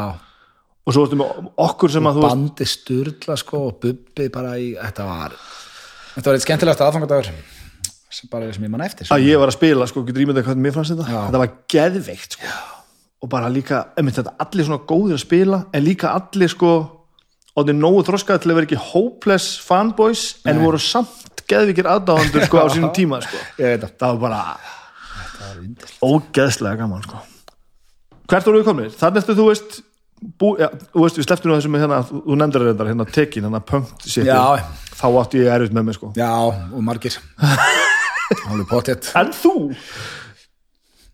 nei, samt ekki ég, ég veit ekki hvort það sé bara kvikindi í mér eða eitthvað mér finnst það aldrei erfitt sko. en stundum, þú veist, ef ég horfa það í dag þú veist mér kannski að það að horfa á það ég, veit ekki hérna, ég reyna að horfa sem minnst á þetta gamla efni en nei, ég fannst aldrei eitthvað óþægilegt sko. það var eitthvað þarna sem að, ég veit ekki hvort þetta var sko, hvort mér fannst bara hugmyndin óþægileg eða, eða þú veist eða hvort að ég er bara svo lítill í mér að ég hérna, ég veit ekki, það var eitthvað sem ég bara, ég bara gæti þetta ekki sko. Potið ekki svo eini hvað ertu þú veist að gera þarna allir, árið er orðið hvað? Árið er þegar tekin kemur 2007 og ertu þarna bara búin að vera í þessu að, og ekkert annað, ertu bara þarna alltaf að fara, fara eitthvað niður í bæ á kvöldin og vera bara að gera þetta á daginn? Já, þannig er ég bara svolítið í sama pakka, já. Kannski ekki allar helgar, en já, svona alveg reglulega. Uh, og er í rauninni veist, bara á samning og hefur verið á samning hjá sama fyrirtækinu í öll ár, þannig að veist, það er ekki, ég fæ ekki greitt pör verkefni. Veist, ég, hef verið bara á fullum launum að ég hafa þessu fyrirtæki núna í, í 20 ár, sko. Allt sem þú hefur gert þannig innan hús Já. ok, Þannig að ég er bara starfsmæður. áhugavert Já, og snildalegt og það er hérna, sem ég dýrka við að ég var að fara eitthvað yfir um daginn, það var eitthvað að spyrja mig okkur að ég aldrei skipt um veist, en svo að, að prófa eitthvað aðra sjómastöður eitthvað, ég er stöðföðu hefur leift mér í raunin að gera allt sem mér er langað til að gera. Já, ég held ég aldrei, veist, auðvitað er náttúrulega þannig að vita budget ramman, en ég hef aldrei komið og sagt bara, herrðu, mér langar gera þetta. Þið til og það er bara nei. Og verið ríkala heppið með yfirmenn en svo bara með aðunum okkar og, og allar þessar seríur eins og fá að gera steipustun og okkur langar ókslega að gera nýja sketsaseríu og draumarnir og þannig að ég hef átt bara ríkala gott samband við yfirmenn mína og, og fyrirtækið mitt sko. og er þetta oft hugmyndi frá þér þá? Ekki alltaf vandalega ekki alltaf, nei, en oft, já. Á bara að finn ég stundum bara, ok, við þurfum að koma með eitthvað nýtt. En aldrei verið eitthvað pressa bara, auðvitað, þú voru að koma með eitthvað það er eiginlega bara metnaðurinn sem rífið það áfram sko. jú, einu sinni kom, þá var hérna Pálmi Guðmund sem er núna yfir hérna Símonum að þá var ég ekki búin að gera neitt í einhverja 7-8 mánuði og var á fullum launum og það Hvað, hvað meinar þú ekki gera neitt? Já, bara mættin í vinninu, hann var ekki í útarpið og var ekki sjónvarpið að neitt, Og hvað varstu að gera? ekki neitt reyna að hugsa ykkur pælingar og bara mæti vinninu og gefa fæf og eitthvað kannski hjálpa að brainstorma eitthvað annað og eitthvað svoleiðis. Og hérna og þá hérna segir Pálmið um mig bara hérna, ég, við erum með verkefni fyrir ég bara hvað? Hérna, hvernig lístur á að vera á FM 957 á hverjum degi? Og það dó eitthvað inn í mér og ég bara, nei, ertu að grínast það? Nei, alls ekki, við hérna þú bara, við auglýsum það ekki, þú bara svona vinnuð inn í það og svo verður kannski vörð af mátt bara þessi skemmtilegt og eitthvað og, og svo sagði hann við mig bara, "Veitu, ekki hérna ekki svara mér núna, farðu og, og sofðu á þessu og svara mér á morgun. Ég bara, ok, fór heim var bara svona pirrar í bílnum. Svo lá ég andaka heil alla nóttina og held ég að fara að sofa bara um sjöleiti og þá var ég búin að skrifa niður bara allar hugmyndar sem ég langaði að gera. Ef ég myndi að gera út af sátt, hverjir ætti að vera með mér og búin að skrifa texta við laga því að mér langaði alltaf að gera grína Backstreet Boys lagi og langaði að fór saman Gunnar til að leikstýra þannig ég kom daginn eftir og bara herri hérna ég er búin að hugsa þetta, hann bara já við gerum þetta akkurat öfugt það sem þú sagði sko. ef ég er að fara að byrja í útarpið þá ger ég grína því og ég auðlýsa þetta um allt. Og mér langar ókslega að vera með mismunandi hérna, partner með mér á hverjum degi. Og þá heyrðist frá einhverjum nokkrum útastöðum að það myndi aldrei ganga því að sko, fólk vil stability í útarpi það þurfa alltaf að vera sömu en svo bara sprakka út og við vorum á hverjum degi og við vorum konir yfir Reykjavík síðdeis í lustun á tíðanbili á bylginni og þannig að maður á aldrei að aldrei að neyta neinu úst, á þess að hugsa það eins því að hefði ég neita því að þá veit ég ekki eins og hvar ferillin var í dag því við erum búin að vera með FN95 blöð í tíu ár og ég er örugglega bara næstasta brand sem ég hef tekið þátt í frá upphæðu sko. Hvað var það sem að byrjaði að vita? Af hverju fannst þér þetta fórhaldið? mér fannst ég bara vera sjónvarsmaður ekki útvarsmaður Já. og var örgulega með eitthvað fordóm út í FM líka Sem ég er einmitt rúglega ennþá með sko. sem. Ég þurfti rúglega að hlusta svona tvo Æ, hún kemur sennilega að hlusta á tvo þetta með sko, en, Já, og bara, ég held að vera eitthvað þannig sko. bara að ég vera eitthvað góðu með mig sko. fyrir að sem betur fyrir það, fór ég heim og hugsa þetta og komið fullt af hugmyndir sem ég langa að gera og hef skemmt mér, ég get deila staðfesta að, að útvarp er skemmtilegri miðl en sjónvarp Af hverju? hann er svo lifandi og, og, og veist, það er talandi um að gera allt svona snappi og vera undir pressu, það er svolítið líka útvarp. Já, já, já. Og bara, ég veit ekki, ég get eða ekki líst í, það er bara útvarp er ríkalega skemmtilegu miðl mm -hmm. að setjast þessu sama mikrofónin bara á og vera live. Já, er þetta ekki svolítið það sem við erum að tala um? Þetta, Jó, pottitt spilar henni það er eitthvað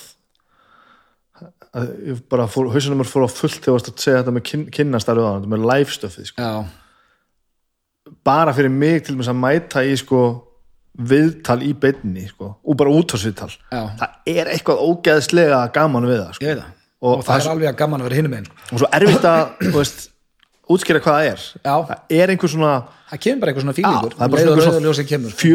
4% hætta veist, það er eitthvað svona pínu hættu status sko það. er eitthvað adrenalín sko.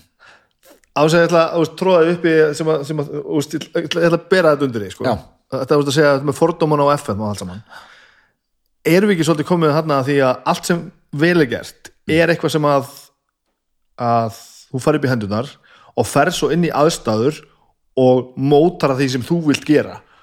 Jó, að því að út komin inn á einhvern miðil eða komin í, ég veist, bara hér, bara hvað sem er sko, Já. um leiðum að finnur að fólk er komið inn með sínar hugmyndir sko, að gera þetta með sitt stöf ofan á plattformi sem að búa, búa að búa til þá er þessu hlutinni virki sko. Já, og það er líka, þú veist ég held að versta sem getur gert er að fara gegn þinn eigin samfæringu og allir sé ekki að segja það einmitt, sko. Já. nákvæmlega það myndi ég aldrei gera Nei.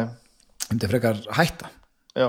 heldur en að fara að reyna að gera eitthvað já, eins og ég segja, bara gegn minni þú veist, eitthvað sem að mér finnst ekki að því eins og ég kom inn á hérna fyrr að helsti styrkleiki í fjölmjölum er held ég að svona finna hvað virkar, þó að sé kannski ekki alltaf rétt hjá manni að þá myndi ég samt segja að það væri minn helsti styrkleiki sko. Mm þannig að ég myndi aldrei fara að gera eitthvað með gegn því.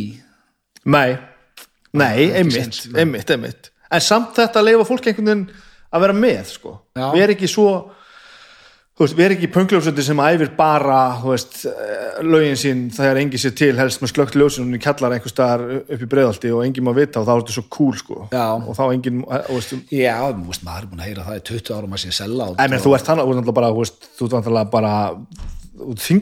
sellátt sko.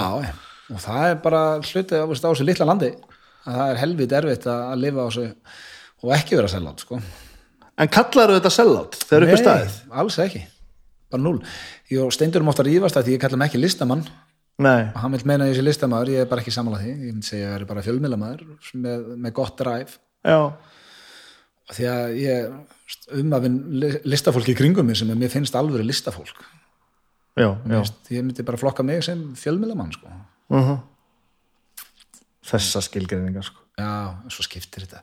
Þegar að bóttinni kvöld skiptir einhver máli ekki þess Nei, bara, þú veist, ef að fólk hefur gaman að horfa eða að hlusta, þá bara dýrka ég. Að þú ert skemmtikraftur. Þið finnst gaman að skemmta fólki. Ekki spurning, ég hugsa að það það er kannski rétt, ég hugsa að það sé best orðið. Ég, og það er í öll þessi ár í, í 20 ár, þú veist, maður sér uh, bara fólk að gaggrinn og minnst allt í lagi þegar maður er gaggrindur og þetta bara getur ekki heilla alla einhvern veginn og það eru mismunandi skoðanir að þér ég get alveg tekið því, en eina sem er bara í 20 ár, eina sem að mér hefur langa til að gera, er að skemmta fólki. Og, og öll þessi verkefni hvort sem er í útarpið, eða sjónvarpið og 70 mínútur og allt þetta er allt gert í þeim tilgangi að skemmta. Já. en ekki særa eða vera með leiðindi eða þú veist, og að- þetta kemur allt bara frá hjartanu að reyna bara þetta er, ein, þetta er einhver fík að, að bara reyna að skemmta fólki. Að hlægi og að finnast gaman að horfa á þetta að hlusta þetta þess vegna finnst mér ótt leðilegt eins og ef einhver hlustar ekki á þetta eða horfir ekki á þetta það finnst mér bara ekkert mál. En mér finnst bara svo leðilegt að eins og þessi komin svona pínu þannig stemming í, í, í þjóðfélaginu að ef ég þetta ekki þá vil ég helst að engin Já, já. þetta og þú ert hálfviti fyrir að Æmitt, og það bara, setja á Twitter bara, veist, ég dæmi þið fyrir að horfa á þetta, veist, bara, er ekki lægi með þig? Og eitthvað svona, veist, það finnst mér að því mér finnst ekkert mála að fólk fíli mig ekki. Nei.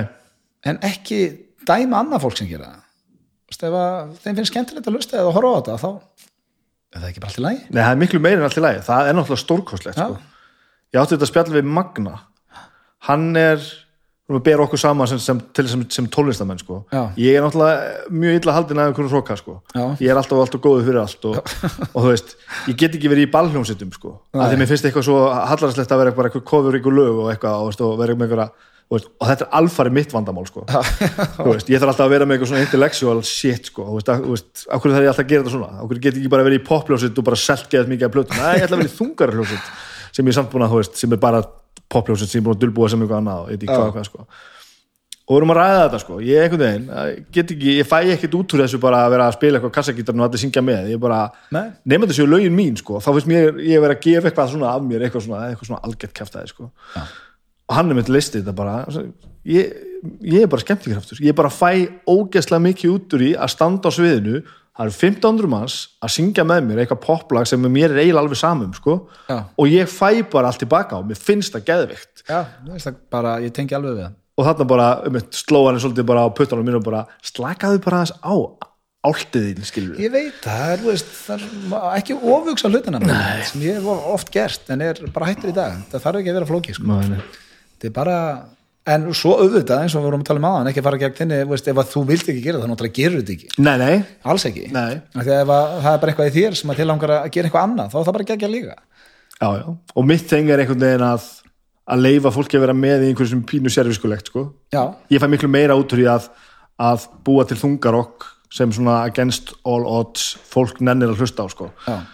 þá er ég alltaf innu búin að gera eitthvað sem mér fannst mjög skemmtilegt sko. ég veit og það er bara hópur sem að dýrka hlusta þá og ég bara þó ég ég, ég myndi ekki segja að ég verið þungarokkari en ég er alveg rockari hljómsundin minnar upp á hljómsundin minnar Nirvana og Alice in Chains og þetta þegar ég er að alast upp og hérna að það sem að mér finnst það svo skrítið er að ok, ef ég myndi ekki fíla ykkur Mhm. þá myndi ég segja, veist, einhvern myndi spyrja mig Já. fílar hann? Nei, en svona nei, eiginlega ekki en ég myndi aldrei segja, nei, og ekki þú gera það þá en þú hefðir mögulegt til að gert það? Eða kannski ekki? Ég að ekki. ég, ég hefði gert það sko Ha? og hefur örgulega gert það. Já, ég hefur örgulega bara svona rálægt fólki að hlusta ekki á því tímann sko. Já, ég held að ég hef aldrei verið þar. Nei, ok, án gríns, ég myndi alveg viðkynna það er kannski líka meira okkar megin sko, að tala um okkur og ykkur sko, sem er endra sem betur þessi mörkar nú að hérna að- að að mýkast hans mikið sko að við sem að höldum við séum eitthvað merkilega sko og erum að svo í aðrinum Já. við erum svolítið mikið í þetta drulla yfir hugsunarlausa meginströmin sko. Já, það hefur alltaf verið. Það hefur alltaf verið sko og það þarf kannski að vera í ákveðnum marki. Já, en það er líka það sem er mjög munun á því núna og kannski fyrir bara tíu ára síðan. Mér stóru miklu meira rætið í dag. Finnst þér það? Já, ok, að því að maður skilur alveg veist, það er ekki einhver uh, veist, eins og þú segir að er að og alveg eins og ég kannski fíl ekki Nei, mér finnst mér einhvern veginn setni tíð eins og sé aðeins meira rætið og, og bara er ekki fíl þetta það er eitthvað aðið eða þú hlustar eða horfur á þetta sko. já ok, ok.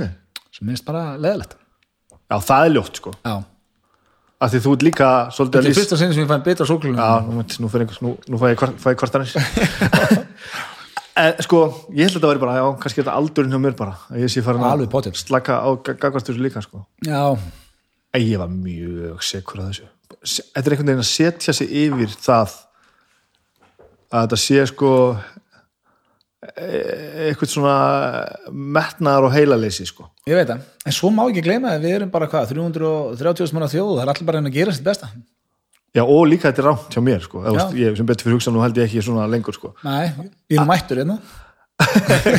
Já, sem er náttúrulega stórpartur á þessu uh, en það er þetta sko pínu að þú skulle segja þetta að- og upplifir þetta sem meira rætt í dag, minnst það skytið Já, hvað upplifir það? nei, ég veit ekki, kannski er það bara byllið mér. Og kannski finnum maður bara eitthvað meira fyrir því núna eitthvað, ég veit það ekki. En þú ert alltaf líka að díla við eitt sko. Það er, er líka alltaf kalt á toppnum sko. Já, en ég sem er alveg, ég tel mig aldrei að vera komin á neitt topp, ef ég var alveg reynskinn. en þú ert samt á einhverjum toppi þannig að það er auðvitað að tala Já, já, já, þó þú sett bara í skálmöld sko, sem Já. er bæ, sko, mjög langt frá því að geta talast sem eitthvað svona vinsælasta eitthvað landsins þá ertu samt á ákveðnum toppi sko. þú ert svona vinsælasta svona bandið eða eitthvað og þá færðu alla fyrir neðan þig sem eru að gera eitthvað svipað eða eitthvað svo leiðis sem segja þér og sett sell át og, og fá þetta sko. já, já, já, og rakkaði niður. þannig að kannski þegar ég er að hugsa Já, þetta já, alveg, auðvitað og ég er, þú veist, á 20 ár fjandinn hafi, ég kom með vel þykkan skráp sko, Mhm. -hmm. og finn ekkert fyrir þessu en ég finn fyrir, þú veist, eina ef það logið upp á mig, já, Já. þá nenni ég því nei ég er ekki til það. Að þú mátt alveg segja bara ég þólan ekki, en ekki ljú upp á mig. Það er, það er smiljótt já, þannig að og svo held ég að því að koma aftur inn á börnin að, veist, það er líka alveg hlut af því að ég nenni ekki að þau sé að lesa kannski á, strákunni sé að lesa á Twitter eða eitthvað, veist, svona því að það fyrir miklu verri í sýstu mínar og mömmu og aðra ef að vera að rakka mig niður eitthvað, sko. já, já, já. Af því að ég er alveg komið með, eins og ég sagði, ágætis, ágætis skráp gagvart því, sko. Þannig að, já. En svo bara eins og ég segi, ég gotta take the good with the bad, sko. Er FM 9 blöð búið að vera þá samfleitt starfandi í allan tíma? Tíu ár. Vá, tíu ára ammali sem að þú ert pottet ekki að að mæti núna 14. mæ, skúter og beisöndir og bara enginn sem bauð mér. Við þetta er konar á sölu. Við ætlum alltaf svaða, svaða ammali Já, skútur og beisöndir, ég skúter, beisöndir við, Aron Kahn, Bríett Jóhanna Guðrún í höllinni. Þannig að það verður stemming. Ég vil það geðu já, þetta er, við höfum alltaf reynt að fagna einhverjum svona áfengum mér finnst það ótrúlegt að þátturinn sé tíu ára gammal sko. og ég, hafi, ég skulle enda hafa svona gaman á hann því ég man eins og í 70 mínútum ég var hættur að hafa gaman að og þó að það voru ríkala vinsælar Eh, þátturinn svíkilega vinsæl og þá langaði mig ekki alltaf áfram með hann. Sama með strákana, við Sveppi og Pétur fengum bara leið. Þannig að ég lofaði sjálfum með þá að ég myndi alltaf hætt að gera eitthvað ef, ég, ef mér finnst það ekki jafn skemmtilegt og mér fannst það. Og einhvern ótála þar kannski kemur inn á við vorum að tala um eitthvað útvarpið skemmtilegu miðl að ég er ekki komið leið á sætti tíu ára. Og bara landið frá, mér finnst þetta ennþá ég gaman sko. og veistu af hverju það er? Getur þú sett fingurinn á það? Nei, geta það ekki. Við rótir að vel liðum og, og ha- haldið metnaði ég, eh, með metnaði að fylla drengja það með mér í þessu. Og bara að því að svo er brandið orðið hefur stækka líka með áránum við erum að skemmt á þjóð spila á þjóðatíð með þessum lögum okkar og ég hugsa sér líka bara já, mér þykir svo vænt um brandið sem ég byrjaði með sjálfur fyrir tíu ára síðan. Að því að þó sé ég gríðalega stoltur í 70 mínúndum, þá var það ekki mitt brand. Nei, ég þig. ég, ég kem inn Já. í annað þannig að já, en um leið og ég fæ ég finna ég sé fór leið á sæð því að þú finnur að langt undan hlustandanum og áhróndanum að þá setur við slöf, ég ætla ekki að leifa þættunum að verða þannig, já, mannstu, já, þetta var skemmtilegt einu sinni. Þá vil ég frekar hætta á meðan þetta er ekki sko. En upplifur þú samt ekki þessi moment þar sem að þú verður þreyttur og veist að þú verður að halda áfram? Nei, þá frekar hætti ég. Eins og það gerist í 70 mínútum og það gerist í strákanum gerist eins og með tekin eftir seríu 2 þá nætti ég ekki meira. Ég var grátbeðin um að gera þriði seríu. Ég hef bara ekki áhuga á því. Ef ég, ef ég nenni því ekki ef ég finna að ég nenni því ekki þá getur það aldrei verið líklegt til árangurs. Og því að metnaðurinn bara eins og í öllu hann þarf að vera full force og þú verður að nenna þessu og vilja að gera þetta og leggja, veist, eins og með FNI 5 blöð það verður örugglega erfiðara með hverju árinu að, veist, að halda metnað og dampi og, og vinsældum og hlustun. En ég er alltaf ennþá á þeim stað að ég er til að, að gefa allt í það til að halda því sko. Mm -hmm. miklu, veist, fyrstu 2-3 árinu var þetta skilja þetta þetta er í dag. Hvernig það? við erum búin að gera svo margt. Já, já, bara að halda þessu ferskum en, svo núna finnst mér geggja að bara koma með hugmyndin daginn og það er kannski líka þægilegt að maður er komið með þannig að, hvað segir maður, aðstæður eftir öll þessi ára við erum núna með karaoke keppni eftir nýjum blöð og það eru bara bestu söngara landsins, þú veist, Frikki og Jón Jónsson. öllum náttúrulega. Já, og þeir keftuðu fyrst Bríett og Geti Rennir og komum núna að keppa og fyrst þetta eru stórkostlega söngarar og hérna Jóhanna Guðrún frá að keppa er Sverri Bergmann, veist, bara með bestu söngara landsins sem er að koma til okkar í karaoke keppni. Finnst mér bara geggi, veist, allt svona heldur sér fesku og skemmtilegu og, og meðan að ég er ennþá með það metna og finn bara að mér finnst það skemmtilegt og þá held ég að fram alveg på þetta Það er aldrei þessa tilfinningu, þú veist, eins og ég ætlum bara með núna þessa dagana, bara djúvel nenni ég ekki þessu fokking hlaðarstrasli, ég ætla aldrei að gera þetta aftur. Svo veit ég sko að ég verða að grænda mig gegnum ákveðu tímabili þá svona, já, já, já, ok, ok, nú mann ég hvað það, þetta ke en það kemur í öllum vinnum. Er sko. og það kemur, veist, menn dreymur um að vera aðtunum í fótbolta eða alveg sama í hverju verð þetta kemur í öllum. Já, og maður veit það, veist, orðin 41 árs að ég hef alveg fundið það en það er mikill munur á að hafa ekki metna fyrir þessu lengur og þó að komi dagar að sem þú varst bara svona ah, þetta er saman og að vera veislustjórið að skemmta. -hmm. allan daginn er ég bara svona æ, guð góði, hvað er nenniski kvöld? Svo þegar ég komin á sviðið, dyrka. Og bara einhvern veginn lifnar eitthvað við. Bara fólk byrja að hlæja og þú byrja að tala við fólk og mér finnst alltaf gaman á sviðinu en mér finnst rosalega líjandi allan daginn fram að kiki það hugsa bara, það er svo skemmt að þetta og nánast bara, veist nettan kvíðið því, sko stæðan frá að vera bara heima með familíinu sko. En al- aldrei þannig að þú veist, þú bara þú hugsi bara, já, þetta er ekki að, best að bara hætta þessu. Nei, en ef, ef það væri orðið þannig að mér liði eins á sviðinu og mér líður áður að kemur að geginu Já, já. þá myndi ég hætta því, Bara- bara ekki spurning þú Já, já, sem er sennilega það sem við erum að tala um hérna því að veist, það er aldrei hann að ég setjist í spjallið eins og þú finnur núna, þetta er náttúrulega skemmtilega sem ég gerir sko. Já, akkurat, þetta er bara allt í kringum þetta stundum. Því ég veit nákvæmlega hvernig ég líður. Já. En það er bara, veist En það eru rosa margar góðar hugmyndir sem hafa farið í súgin af því að fólk gefst upp fyrir þessu hérna sko. ég veit það að bara þú verður að gera þetta þú verður að gera Þú þetta komst sko. bara með besta orðið, þú vorst að grænda og þarf að grænda sko. bara í lífinu Já. Já, það er mitt bara í bara- fokking lífunu sko. Já. Hvernig hérna með, þú veist, engalífið þarna á meðan, hvað er þetta að gera þarna? Sko, 2007 hætti ég með fyrirhandi kærastu minni til, hvað, við vorum búin að saman í tæp 5 ára eða eitthvað og er í rauninni, já, bara á lausu þá í þrjú eða fjögur ár er þá með annari stelpu í eitt og hálft ár og er svo á lausu í sjö ár áður en ég kynnist konu minni sem að er í dag, Ok. Rakel. Og já, í enga lífunu það er, veist. Býrðu þú bara svona einhver staðar einn eitthvað piparsveinast eitthvað? Já, en ég passaði mér rosalega vel á því sko, í öll þess ár að, leifa mér aldrei að leiðast sko, eins og að koma alveg fyrir að ég var bara allt og mikið einn með mínum eigin hugsunum og basically byrjar að googla sig og lesa einhverja ljóta hluti og eitthvað svona veist.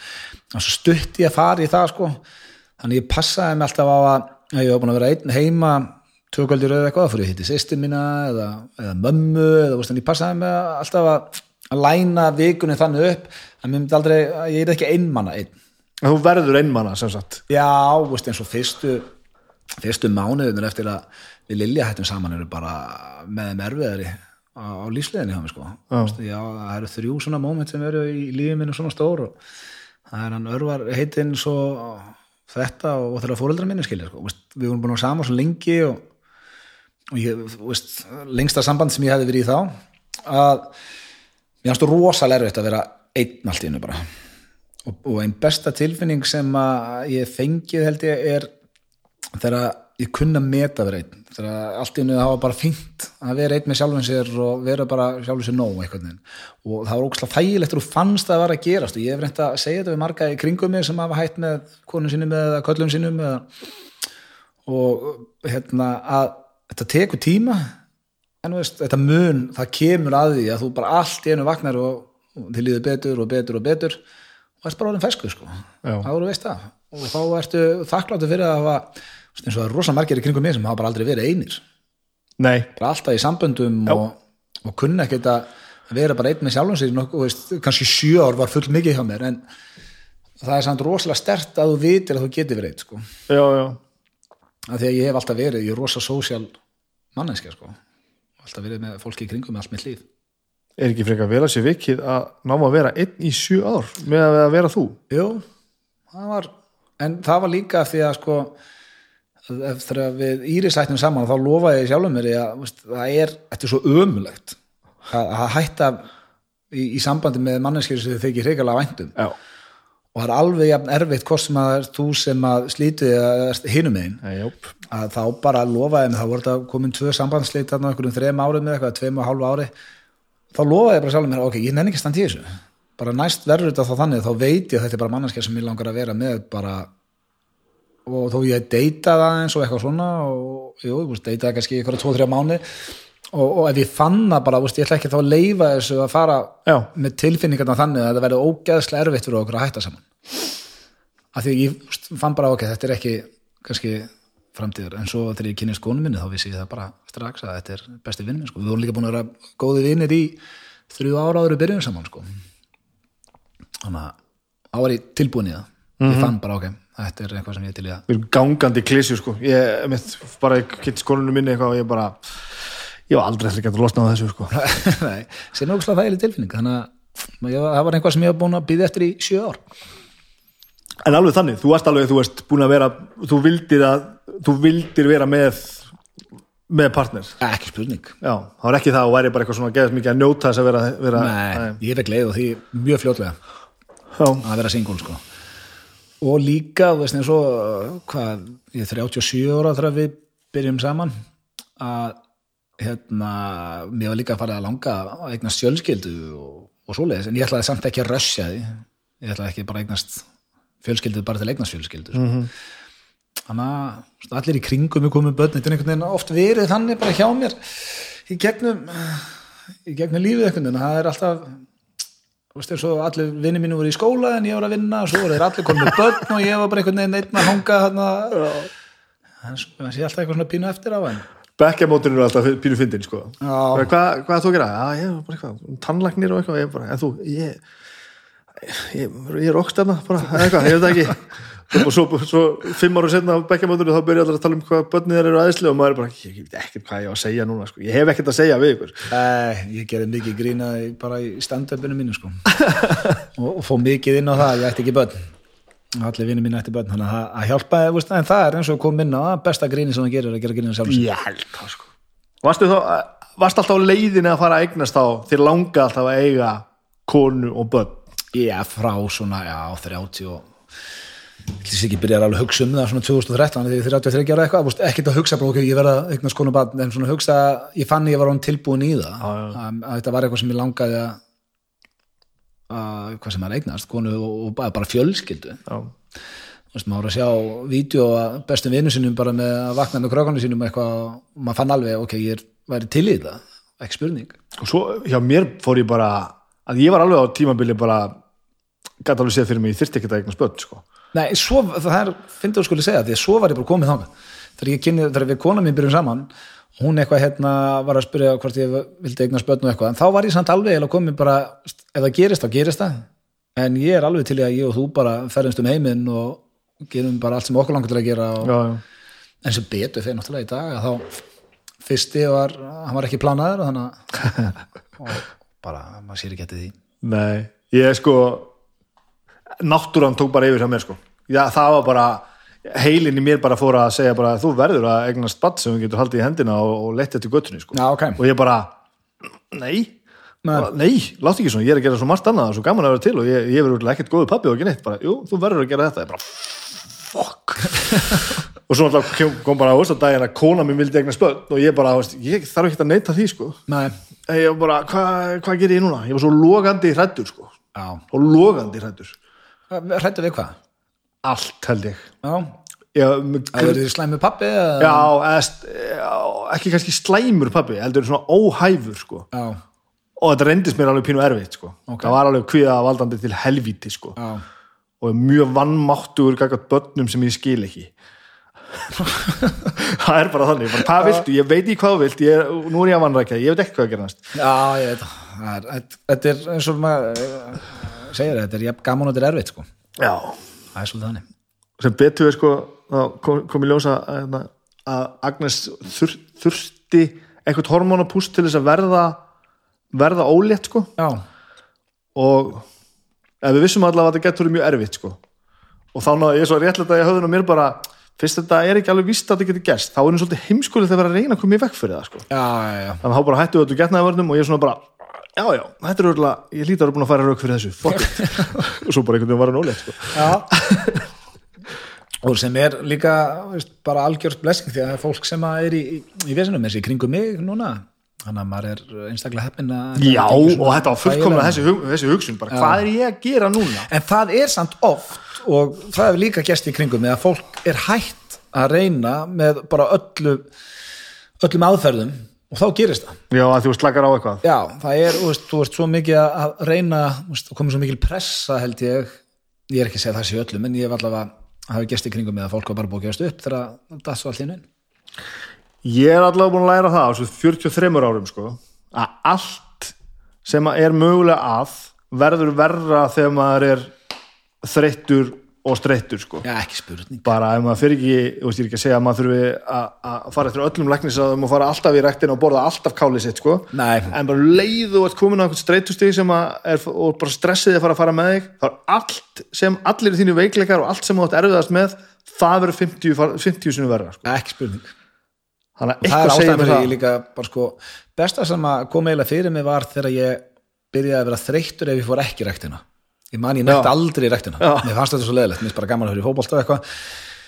En bara barðist einhvern veginn gegn og í dag ef ég fer ekki í rektina þá verð ég bara svona freka þungur og þreyttur. Mhm. að mér vantar og, veist, og ég elska talandi um þetta bara það streytan og allt er í botni mikið að gera veist, eins og bara núna um daginn ég er með tvö börn að vera frumsýna hérna bíómynd og vera frumsýna stóra sviði nýjan þátt á stöðu tvö í sömu viku og bara einhvern veginn alltaf springa þá finnst mér svo geggjað að fara bara í rektina setja með headphone og bara kúpla mig út.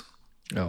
og bara lifta og vera að hugsa um bara af því að svo, stundum er þetta svo erfitt þú ert bara að hugsa, ok, ég þarf að koma þessu upp. Þú veist ekki að hugsa bara, æ, ég ætla að koma ykkur í bíó það verður gott ára á föstudaginn eða hvernig nei, nei, nei, þannig að ég, ef það er að, að hlusta sem er ekki að stunda líkansrækt þá myndi ég hvetja til þess að, að skoða því að þetta er ógæðslega leðilegt fyrst ég þoldi þetta ekki, ég nefndi þess ekki en sem betur fyrir svona held ég áfram að, reyna svona að grænda þetta og, því ég vissi að það myndi bara hjálpa ég var, alveg nettu vanlíðan í gangi þá, þetta stutt eftir bara ég hætti með virðandi og hafði lítið að gera á daginn eitthvað, að ég fann bara ég verið að gera eitthvað. Og svo byrjaði með bara veist, svo kemur þetta veginn. Og það, ég held að geta allir tengt við þetta sem að sem fara reglulega og, og lifta eða hreyfa sig að þið líður betur eftir þetta sko. Ég, þetta er bara næsta dagskrunum með sko, ég, ég er búin að vanna ekki jú, ég var bara, var, ég var bara íþróttamaður. Ég var bara í úlingarlandslinni frálsum og, bara, veist, og svo bara hætti ég að nenna þessu. Og búin að gera svona nokkrar frekar mátlisvar tilhörunni síðan sko.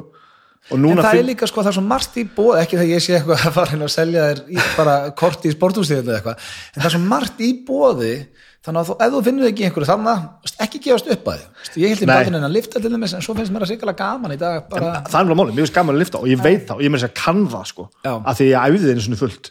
Það sem mig vantar bara er rútínan sko. Eða. ég þarf bara að gera þetta 20 sinni mjög röð já, og ég held að sé ekki bara tengt í að ég sé að lifta þungt eða, eða létt sko, því mér er eiginlega skýtt saman það sko. Það að, en ég finn bara ég þarf að fá hugarúna sko, já, til þess að mæta ákvað hvernig ég ætla að gera þetta og mæta 20 sinum fá bara væpið og veist, við erum svo, ekki svo má ekki gleyma því að geta allir fundi ég veit að það er erfitt og veist, og kannski léttara fyrir mig en aðra og, og svo bara enda léttara fyrir og erfiðara fyrir suma. Að þú getur alltaf fundið tíma til þess að fara. Já, og það sem ég hef alltaf gert til dæmis er að auðvitað, ég gert mun minna að því núna að fara í rektina eftir að við erum með tvö unga bönn heima Mhm. en kona mín er geggju og veist, hún veit bara að þetta hjálpar veist, ég er miklu duglegri þegar ég Svo heim er það eftir líka, sko. Veist, ég kem bara miklu ferskar eftir þetta og bara tek guttana og það er eins og áður eignar spil ég sagði það, ég tók bara frá tíma fjóru sem ég vikuð eitthvað og ef við spyrja, kemst ég hérna klukkan tvö nei, ég er að fara fund ok, en þrjú, já, kemst þrjú fundurinn var bara ræktin Einmitt. því ég átti bara fund með sjálfum mig akkurat, akkurat og ég let ekkert, það þurfti að vera eitthvað rosalega mikilvægt Mhm. svo að ég tók ekki frá á milli 2 og 3 Já, menn þetta er bara, þú veist, hugmyndafræðin sem að notar í AA til dæmis, maður sér það bara Já. ef að viðkomandi er að fara ég notar menn ekki AA Nei. bara ef viðkomandi, ef það er fundur AA fundur, Já. þá er það alveg heilagt sko. Og þetta er bara eins og að vera í fokking hljómsveit ef það er að vera hljómsveit sem gerir eitthvað það er æfing á veit sko. það. og það þú, þú ert ekki að fara að fá mig í bíó þá sko. það, ég þarf að mæta þá sko. En þetta er, þú veist ég sá einhverju hvort það var Instagram reel eða YouTube eitthvað í daginn sem ég tengdi svo rosalega við að rútína er svo mikilvæg í lífinu þó þurfur ekki að vakna klukkan, veist, sama hvenær á vaknar en veist, veldu þið tíma, hvort sem er hálf nýju, nýju, tíu, ellu, en verður með rútínu, Já, bara í öllu hvort sem það er í, í skóla, vinnu eða veist, bara kottir inn í þína rútínu og þið líður bara betur sko. það var einhvern sem sagði ástæði fyrir að sagði 20 sinum ég held ég að lesa einhverjum daginn sko, ég las það einhverstað sem hlýtur að vera satt ég held að það var að tala um að þú þurftir að gera hlutin sko 19 sinnum einhvern búin að reikna það sko. frá fjärstaðu kemd tala sko, að þá sé hann konum í rútínu sko. Já, ok ég, og ég, hérna, ég prófaði að fara að nota tannþráðum daginn Já, og ég, ég bara, ég taldi skiptin sko. Já. og þetta var sirka rétt sko. Já, ok. ég bara, þú veist, ég, Sturlu staðreynd. að ég fæ alltaf einhverja brjálaða tannsteinsmyndun og tannlækna bara, verður að nota tannþráði, ég held að svona tvisvar En ertu ekki búin að prófa að nota bara pinnana? þetta snýst ekkit um það, þetta snýst bara um fokking rútínuna sko. Ég, ég veit það, en af því að tannfræður, ég, ég með þér hérna, sko, tennum mér alltaf verið hræðilegar, en svo hérna, kefti ég svona, eitthvað svona gömm pinna, svona hvítir og grænir og já. og svona setja svona milli, gera það sama tannfræður, miklu léttar og þægilega. Já, en ég, ekki skemmi þetta fyrir mér Nei, ég ætla ekki eða ekki rútinu því ég var að segja konu mikilvæg. og ég fatt að þetta var í alveg bara svolítið rétt sko. Þú veist bara komin búin að gera þetta 15-20 sinum þá er þetta ekkit effort sko. Nei, og þá finnst þið bara verra að sleppa því sko. Akkurat, þetta er sama með ræktin og allt, bara að að og nú finn ég til dæmis sko, ég það bara að, eins og með þetta með ræktina sko. bönni mín og aðeins eldri ég er búin að vera þess að vinna með sálfræðingnum að, hérna, að slá að kvíðangakvöldu sem ég geti ekki gert með þau sko. Já. og bara orðin allir einhvern veginn betri sko. að nú finn ég bara að nú þurf ég að, að, að fara, fara, fara inn í þetta ræktarmál sko. en líka vegna þess sem, að því að svo gott sem þú ætti að segja á hann sko. Þetta er bara besta sem getur gert fyrir sjálfa þú kúplar þig bara frá. Er það fullt af vesinn hérna, sorry, ég, bara, ég verða að fara ræktina. Ég bara, af því að svo ertu miklu betri þegar þú kemur í allt hitt. Þegar þú bara kemur og tekur um þetta börnum, þú ert miklu ferskari. Já, þetta er næsta mál sko. Já. ég er búin að gera, gera mjög margt undanfærið þetta er næsta mál, Ég er hef einhvern veginn aldrei verið að diskutera þetta neinstæðar, þetta er fyrsta sinn sem ég ræði þetta, bara, ég hef ekki eins og sagt þetta í, í þættunum mínum eða neitt, þetta er geggjað. Upp að því að ég er alveg með kvíða líka og, og ofhugsa hluti, ég það er svona minn helsti galli hvernig ég á til að ofhugsa hluti og hann að bara kúpla sig aðeins út, reyfa sig, fara í styrtu, þú veist bara miklu betri þegar þú sest í bílinn. allt, þetta mælir allt með þessu maður. Já. allt saman. Ekki spurning. og hugsaður hvað þá, bara já, það, vinnuna þína já, bara allt. Já, já, í rauninni sko. Og hefur bara fyllt mér frá í úlingu sko, ég var að byrja að ímynda mér næstu bara að vini mínu var að baktala mig og, veist, og ó, hvað er það? Já, veist, alveg komin veist, reyna alveg að halda eða veist, ekki að halda nei, veist, þetta er ekki vesen, en svona já, ég á alveg til að ofugsa hluti bara allt er einhvern byrjar að segja nánast bara eitthvað með sem er ekki einu svona að segja sko. mm. þegar þá bara hugsunin fer með mér lengra og svo er hún komin dýbra og verður alltaf svartar og svartar einhvern veginn og... borderline paranoia bara alveg. já, en samt ekki alveg þar sko. en svona já, að, of, já bara ofugsa og líka það verkefni sem þú varst að vinna þú veist, nei, minna þar já, já af því það væri vinna fyrir því með allt sem þú ert búin að gera. Ég veit það, en þá, ég hugsa að það sé kannski bara svona nett þerapía já, af já, því að þá er ég komið verkefni sem að bara hugurinn minn er ok, ég ætla bara að gera þetta eins og vel og hægt er og hvernig er þetta að bæta þetta, þú veist, þá er ég að hugsa um það en ekki einhver aðra hluti sko. já, virkilega. Þannig að ég hugsa að það sé, já, bara besta þerapían að vera að vinna á fullu. Mm ég verða að þetta út hérna. þú varst að tala um þessi þrjú áföll já, þú nefndir eitthvað nafn, þú sagði þetta sem að vorum að tala um áðan. Já, skilnaðurinn og sko vinur með að svona félag, góðu félagi minn og sá sem að ég var alltaf að skemmta mig og sögðu okkur ekki uh, fyrirfósir, örvar. Ok, og það var sko, ég lokaði það inni mjög lengi. Og við rætti þetta nú í fyrsta sinni við Toppin Marin og sérna uh, þetta hjá Deva, þegar hún var hjá Deva. Það er aldrei rætti þetta hann var sem sagt, þannig eldri en ég og ég leit rosalega upp til hans og mér finnst alveg geggja þegar ég byrjaði í fjölbjörnskólanum og hann nefndi að, að skemmta með mér og hanga með mér. Og hann átti grænan kameró og því líku spaði á, á króknum sko. Og við náðum mjög vel saman á sviði vorum að skemmta saman á barnum með eitthvað stand-up eða stand-up vorum basically að segja brandara sem við lásum staðar, sko. og gerðum útastátt saman og, og fleira. Og ég mér þess að hitt hann kvöldi sko, sem, að þetta, sem þetta gerist á nýbú og opna efri hæðin á barnum og eins og, eh, eins og ég man vel þegar Sigjón Kjartansson kom og spurði hvort ég vildi skrifa hérna, sketsaserið með sér að, að ég gleymi aldrei að þá segir hann þegar ég er að fara, hvað ert farin? Ég drakk ekki á þessum tíma. Bara að ég er að fara heim. Og hann bara, já, ok. Þú mátt nú, hérna, heyra hans oftar í manni. Bara, veist, þá hugsa ég, já ég var þýlið til að heyra oftar í þér. Veist, ég dyrkaði gaurinn. Og svo frétti ég bara daginn eftir að, hérna, að hann hafi tekið sér degi líf og, og ég lokaði rosalega lengi á það. Og veist, ég greti ekki, ég fór ekki í jarðaföruna og bara svona einhvern veginn bara blokkaði þetta í mörg ár.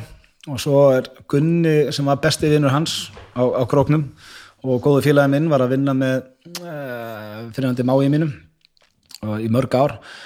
Og hann spurði mig þetta svona tíu árum setnið eitthvað, hvort að ég hef aldrei farið á, að leiðinu eða gröfinni og ég hef aldrei gert það ég fóð með honum um kvöldið, bara fórum að barnum úst, halv eitt um nóttina eitthvað og þá bara greti og greti og greti og og það er svona fyrsta sinn sem ég bara svona, veist eins og núna ég verð bara pínu mósinalega að hugsa um það sko. mm. að því ég var bara búin að loka alveg á það sko.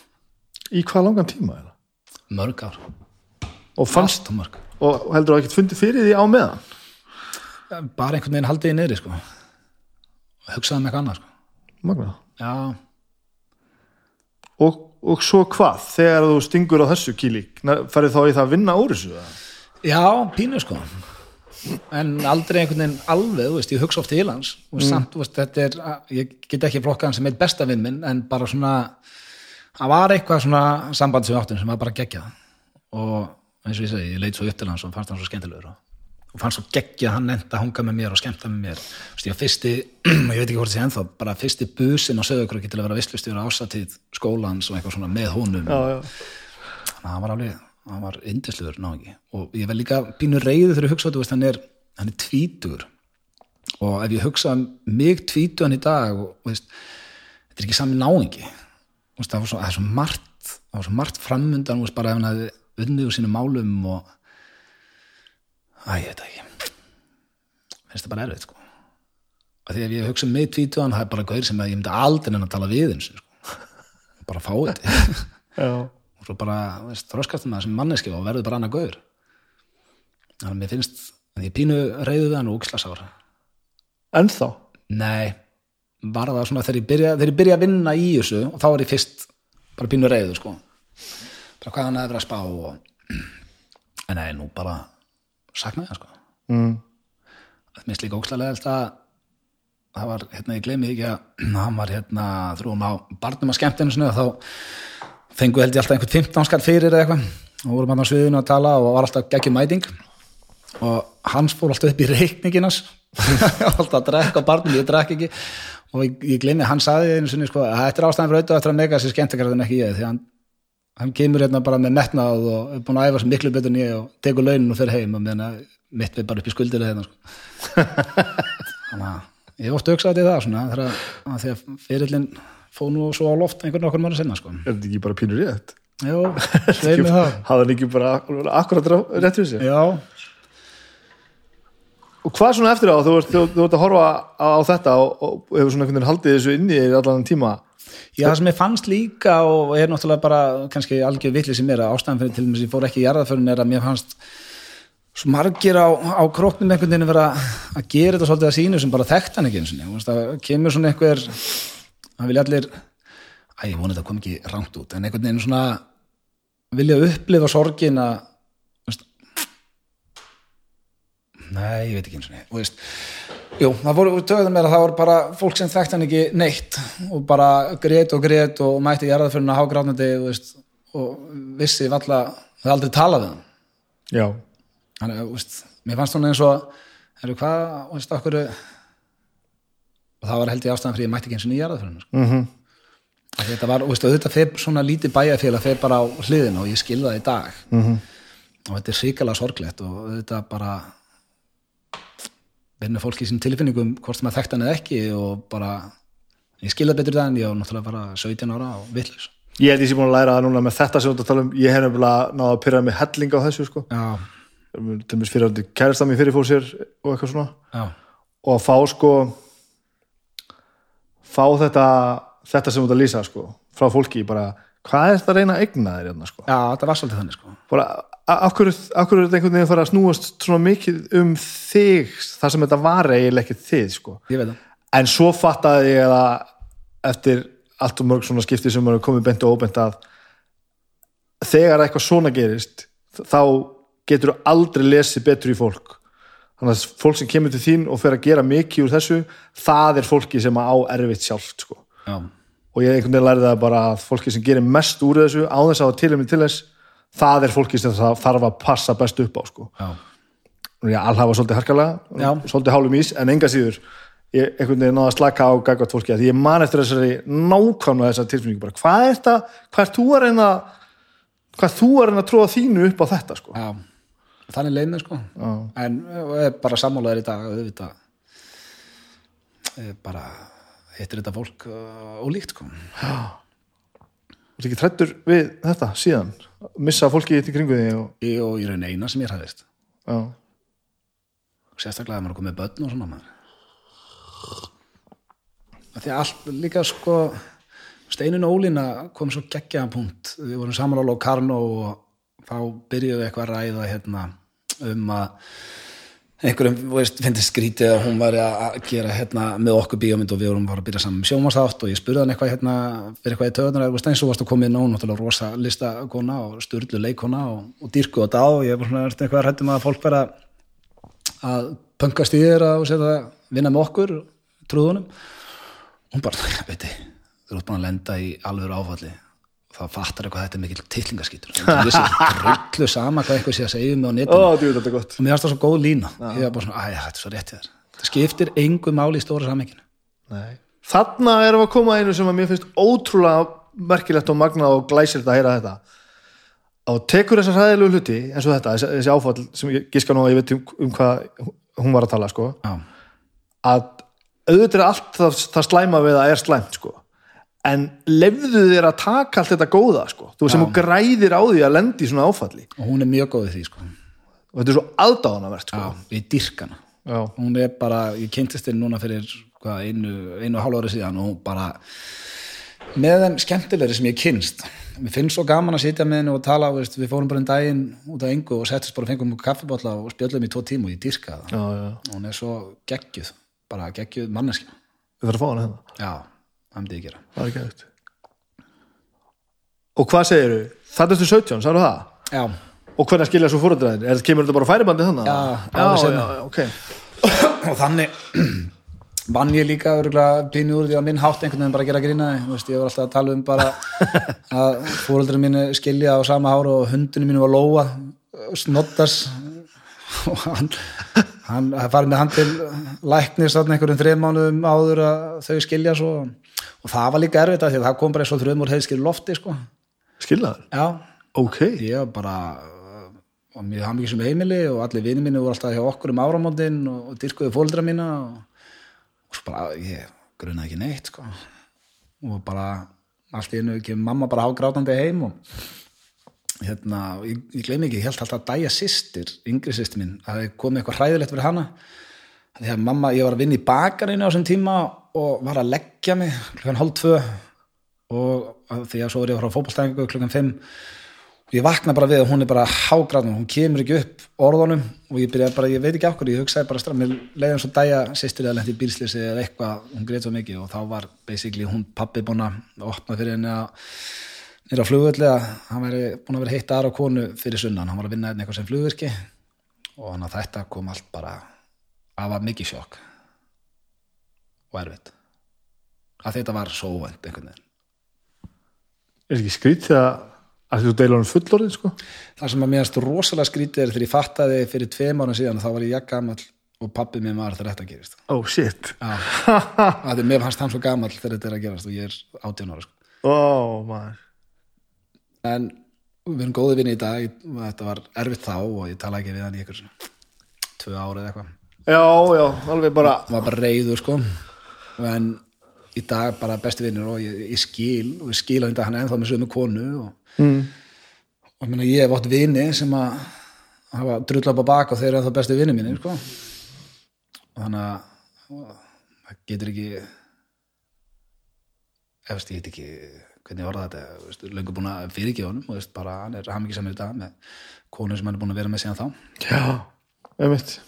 Og þetta bara ef að hann var að leita sinna hamingi og þá verði ég það Já, þessi lína er svo fárálega þunn, sko. ég veit Og þegar maður fer svona, kannski ekki endilega að upplifa það saman maður hefur verið brjálaður út í hjá öðrum, en svona allavega að sjá afstöðuna, sko, bara. Já. já, já, já. Þetta er ekki alltaf svona svart og hvít, sko. ég veit, Þá fer maður svona einhvern veginn, verður maður svona óðalur. það kemur allt með árunum og svona þroska Ég held sko. að sé sirka það, sko. Já, Þetta er, já, ok Þetta, tvent og svo rauninni ferði beint hingað og ferði að takla þetta með vinnu og brjálaði hér. Já, við erum svolítið að tala um það. Já. Og vera að fyndin bara. Já, reyna. Það af bestu getur Hefur eitthvað unni úr þessu, svona markvist? Nei, ekki þannig sko. Ég held áttur að gera það. Já, nú veist. Og nú er ég ekki að segja, sko, nú skaltu fara og fara vel með þig. Af því, að ég er búin að vera í alls konar einhverju sjálfskoðun og þetta er svo þegar maður er komin á þannan stað, sko þetta er svo hrikala skemmtilegt, sko Já, en mér, veist, mér líður vel Ég myndi leita mér aðstöðar að mér líði illa Já, sko. mér er bara leið líka vel en þetta var bara ennþá betra og, var, og varð gaman sko. Já, þannig að ég er ekki að segja að þú þurfur að gera það sko. ég, er bara, ég er svolítið upptíkin að ég sjálfur að vera í, í sálfræði þeirri sem er að gera ég, var alveg opinn fyrir því að, að hitta og að hitta salfæðing og ræða við hann, ekki spurning ógeðslega En skemmtilegt mér sko. myndi finnast ég þurfa þess en svo kannski bara eitthvað að loka að ráða, ég veit það ekki Já, það er svo það er að náttúrulega, hérna, hvað hérna í, þessu, sem- þessu stúsi sem þú gera, sjónvarsættir og útvarp og það allt saman eh, ertu með eitthvað svona, eitthvað svona lengra markmið? Ég, ég reyna alltaf að hugsa fram, ár fram í tíman reynir alltaf að hugsa ár fram í tíman Já, Vá, ok. Og st- stundum hefnast það og stundum ekki en eins og núna er að, er að koma nóvember og ég tel mig vita hvað ég ætla að gera næstunni. Já, Já, það er alltaf verið þannig þú í svo fyndin í stöðu að vera í vinnunni og þurfa svona að ákvaða hvað það að gera næst. Já, en það sem að gera hana svo geggjað er að hún er svo fjölbreytt. Já, það er ástæðan fyrir að ég dýrka hver einustu mínúti bara í 20 ár sko. að þetta er, ég, veist, ef við verðum ennþá að gera 70 mínútur í dag þá var ég maður gössanlega búin að veist, það verði ekki gaman. Veist, maður þarf að, eins og ég segja er stundum bara leikstjórar kill your baby sko, Mhm. þó að einhvað sé úkslega gaman að þá þarftu til þess að bara að þroska sem fjölmjölum að, að gera nýja og ferska hluti sko. Já, það er ekki spurning. Mér finnst rosalega gaman að leika og, og er að hérna langar að gera meira því, Mhm. ekki spurning. Langar að gera aðra séri á tónlistamennum okkar og við erum með mitt að fara að byrja núna. Fyrsti tökutan í serið 2 sem kemur endur ekkit út fyrir held í næsta haust er Andrea Gilva, við erum að fara í hörpuna tótmóbíl Já, geðvegt. já, mjög spennt yfir því. Hún er best. Alltaf þegar maður heldur að maður, já, herðu, vá, þessi, djúvill er þessi góðu söngkona, þessi góðu söngvari og eitthvað. Bara, það getur bara besti, bara barki á landinu hreinlega. Og svo ferðu bara á sér Andrið Gilva og bara, já, alveg já, ég glemdi Andrea til, já, alveg já, ég var að með sko, ég vissi það ekki ég var að, að lesa með hans til um áður að við byrjum að spjalla hún er, er eina held ég sem hefur fengið tíu Já, í söng í sögu, söngskólanum, það alltaf var, var ekkert hjá þannig, sko.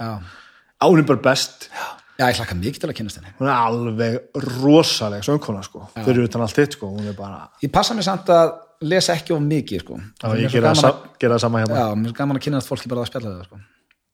Mér finnst heldur ekki gaman að feika það að ég veit ekki eitthvað. ég veit það, Það- það er glæta sko. maður verður að hafa ramman til þess að vita að þetta geti haldið áfram sko, Já. en, en að vera hérna bara já ok, Já. það er bara mm -mm, ég það, það það sko. er Hva, en þú veist ég var kannski líka að spyrja að, að sko, ertu með eitthvað svona grand markmið? Ætlar að verða eitthvað þegar þú orðinn stór? Góðu pabbi. Já, en í vinnunni meina ég. Uh, áður sem ég sé ekki lítur sem 20 árum sko. já, nei, ég bara halda áfram að grænda sko. hangriðs og, og gera verkefni sem er skemmtileg og og vonandi eitthvað sem fólk nennir að að horfa og hlusta á, það er bara draumurinn. Já, já, já. ég er ekkert að hugsa lengri en það það er bara skemmti kraftin nýmann einhvern veginn að reyna að halda áfram að skemmta þeim sem hafa gaman að það sko. Langar ekkit bara veist að, að opna bara framleyslu fyrirtæki eða þú veist jú, kannski, að því þú veist maður er svona haldið það með, með Það þinn alveg- bakgrunn og þinn árangur já. það sé það einhvern veginn svona það er alveg borist í tal hjá mér og, og konunni sko, ekki spurning. Já, þannig jú, eitthvað þannig já. Mér langar líka að opna og...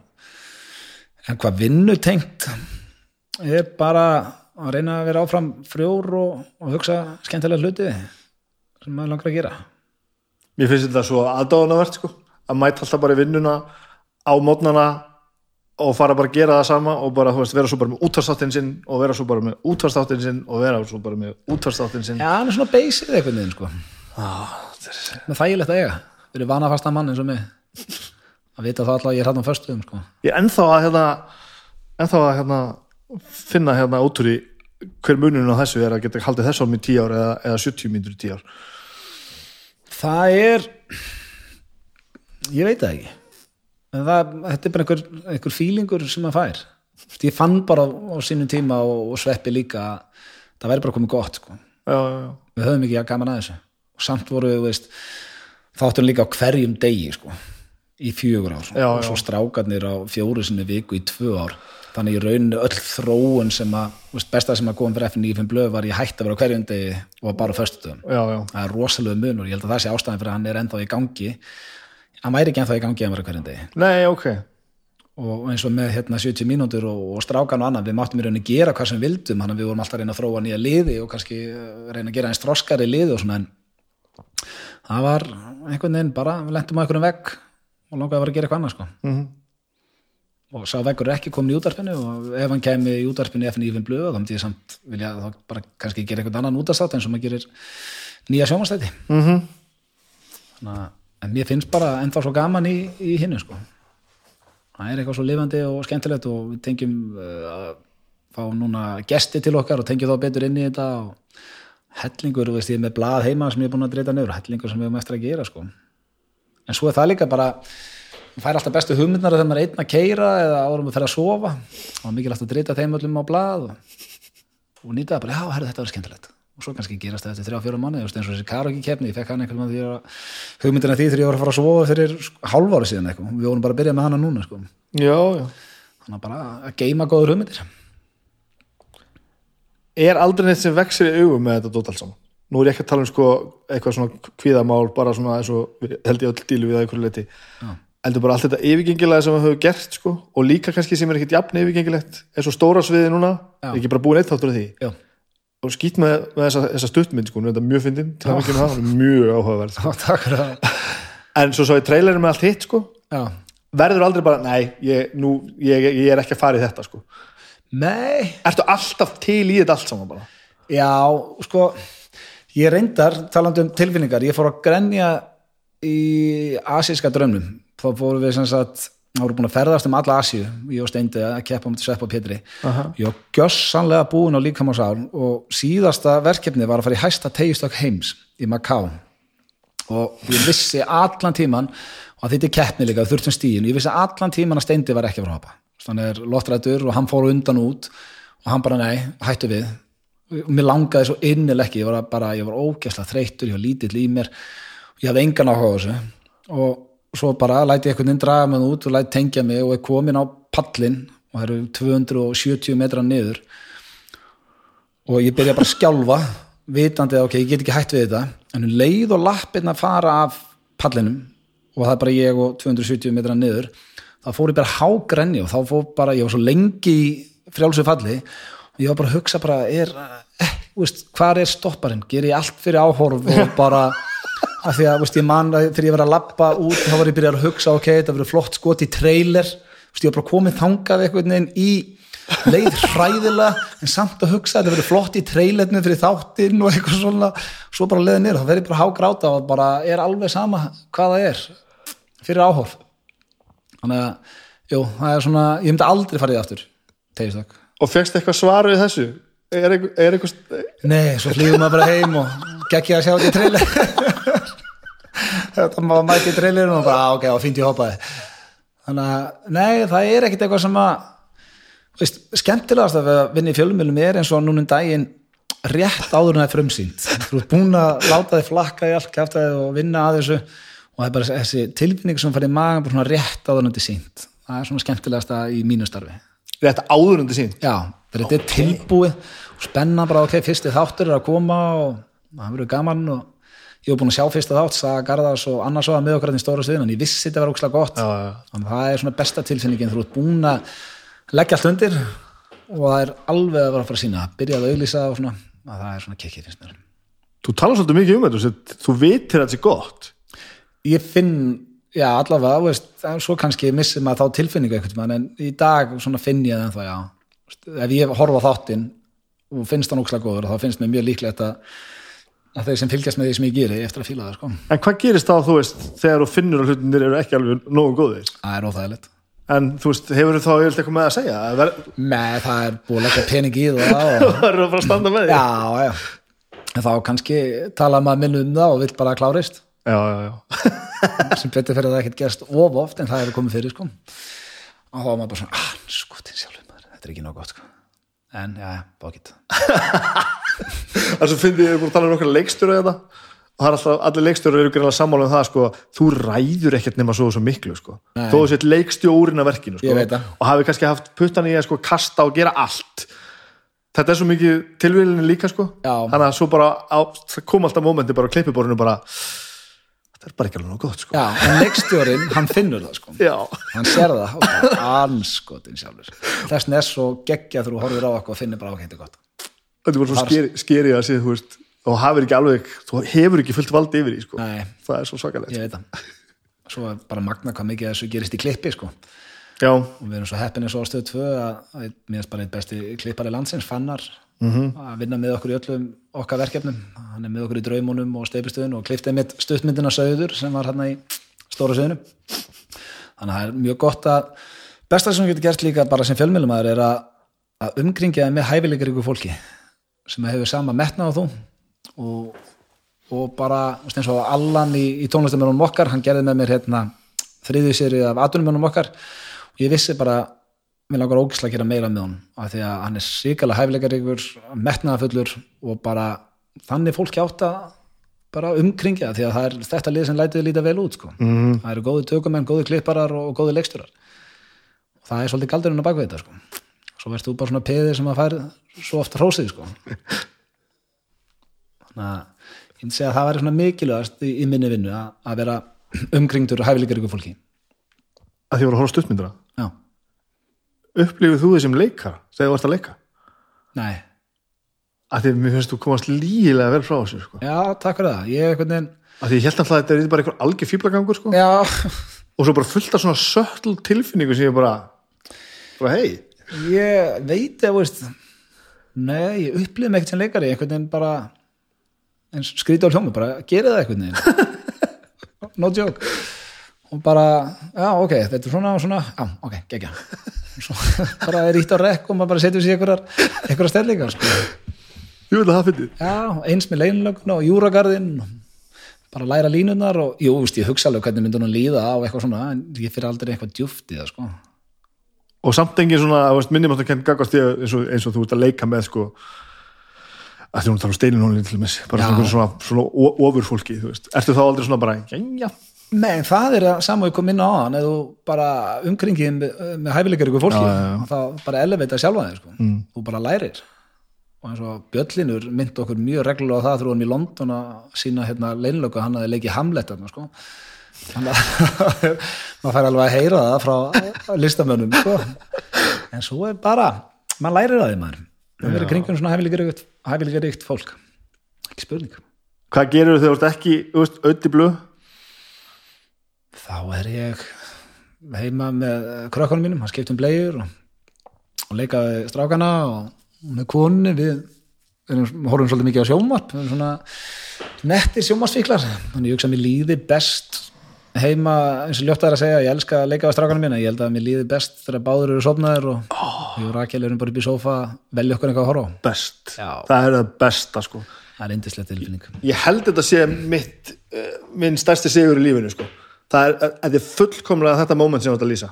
Bara þegar börnin sopna og maður bara horfir kringu sig og bara, þetta er allt í lagi og ég ekki bara nenn að vera með konunni minni hérna, heldur ég, mér langar það, sko. já, það er indislega tilfinning. Þá fær maður bara svona, ok, svo fer maður niður að tjekka og bara, oh, Jesus, ég vissi ekki að vera hægt að elska svona mikið. Þú horfum bara strákana svoðandi og svo bara aftur upp. Er ekki ekki til besti, besti þau svo, sko. já, það er þannig. Það er ekkert svona, þú ert ekkert brjálar í gólfi og eitthvað, jú, ég finnst minnst rosa gaman í gólfi ég er bara ekki nógu góður en uh, gæt lítið spilaði sumar en eins og núna næsta sumar þá kona mín gaf mér hérna gólsett í, í ammalskjöð þegar ég var ferstur og svona greiningu og allt sko. Þannig að ég ætla að vera mjög dugluð næsta sumar því þá er það báður á leikskóla. Ég ætla bara að fara á daginn og, og reyna að spila. Mér finnst mjög gaman í gólfi og svo er ég bara svona algjör sósjálkall mér finnst gaman að við hittumst rosalega mikið og spilum ég og sýstu mínar og mamma og, Já, já, já. og makar. Mér finnst það ekkert skemmtilega að vera bara með fjölskyldinu sko.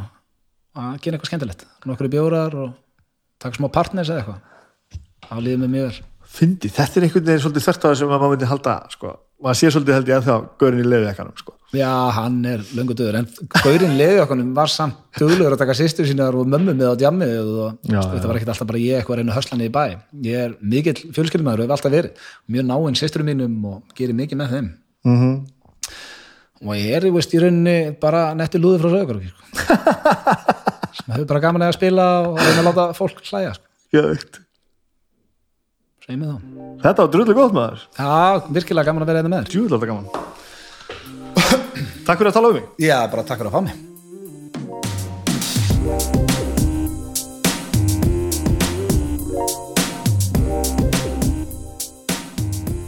Þetta voru við Auðun Blöndal. Helvíti var þetta gaman. Helvíti er, er, er, er, þetta gaman. Ég ætla að nota þetta tækifæri og byggast afsökunar því hversu oft ég hef drullað yfir örgulega margt sem hann hefur gert og fólk fólk þetta sem að vinnu sannlega í kringum hann já, ég held að ég hef verið allt og allt og góður fyrir, fyrir hluti sem að gerðust nálægt FM 957 í allt og mörg ár ég er ekki að segja ég ætla að fara að hlusta hverjum degi en eins og hann sagði, ég þarf þess ekkert ég þarf bara að drullast til þess að, að halda kjafti og er ekki að, að spúa einhverjum, einhverjum skít um allt gagvart fólki sem er að gera eitthvað annað heldur en það sem mér finnst skemmtilegt. Þetta er vel gert og, og, og á allt gott skilið. Skemmtilegt. Þetta var gaman, jú, finnst mér gaman að hafa gert þetta. Það var eitthvað, eitthvað sem, sem small hana ótrúlega skemmtilega, fara og sjá leinilögu í bíó. Ég ætla að gera það líka, þó þessi ekki búin að því Þannig var það. Já, rétt áður en að ég hætti þessu, ætla ég að minna ykkur aftur á, á hljóðkirkjuna á, Húrra, 5. daginn 4. november þar getið þið komið og, og hitt okkur úr bestu plötunni, okkur þá ég veit ekki, allir, ég held að ég verð ekkert með. Þetta er bara Baldur og, og, og svo Haukur og, Arnar er gert. Þeir ætla að fjalla um bestu plötunum með Soundgarden, ég verð nú örgulega þarna ætli ég sitt ekki út í sal og skipti mér af? Það er allavega á Húrra besta plata með Soundgarden. Húrra 50 daginn 4. november og miðarsalan er á tix.is tekkið endur á því og talandu bestu plötuna. E, það er svona þátturinn sem ég reynir svona að plugga mest af því það er nú gamli þátturinn minn.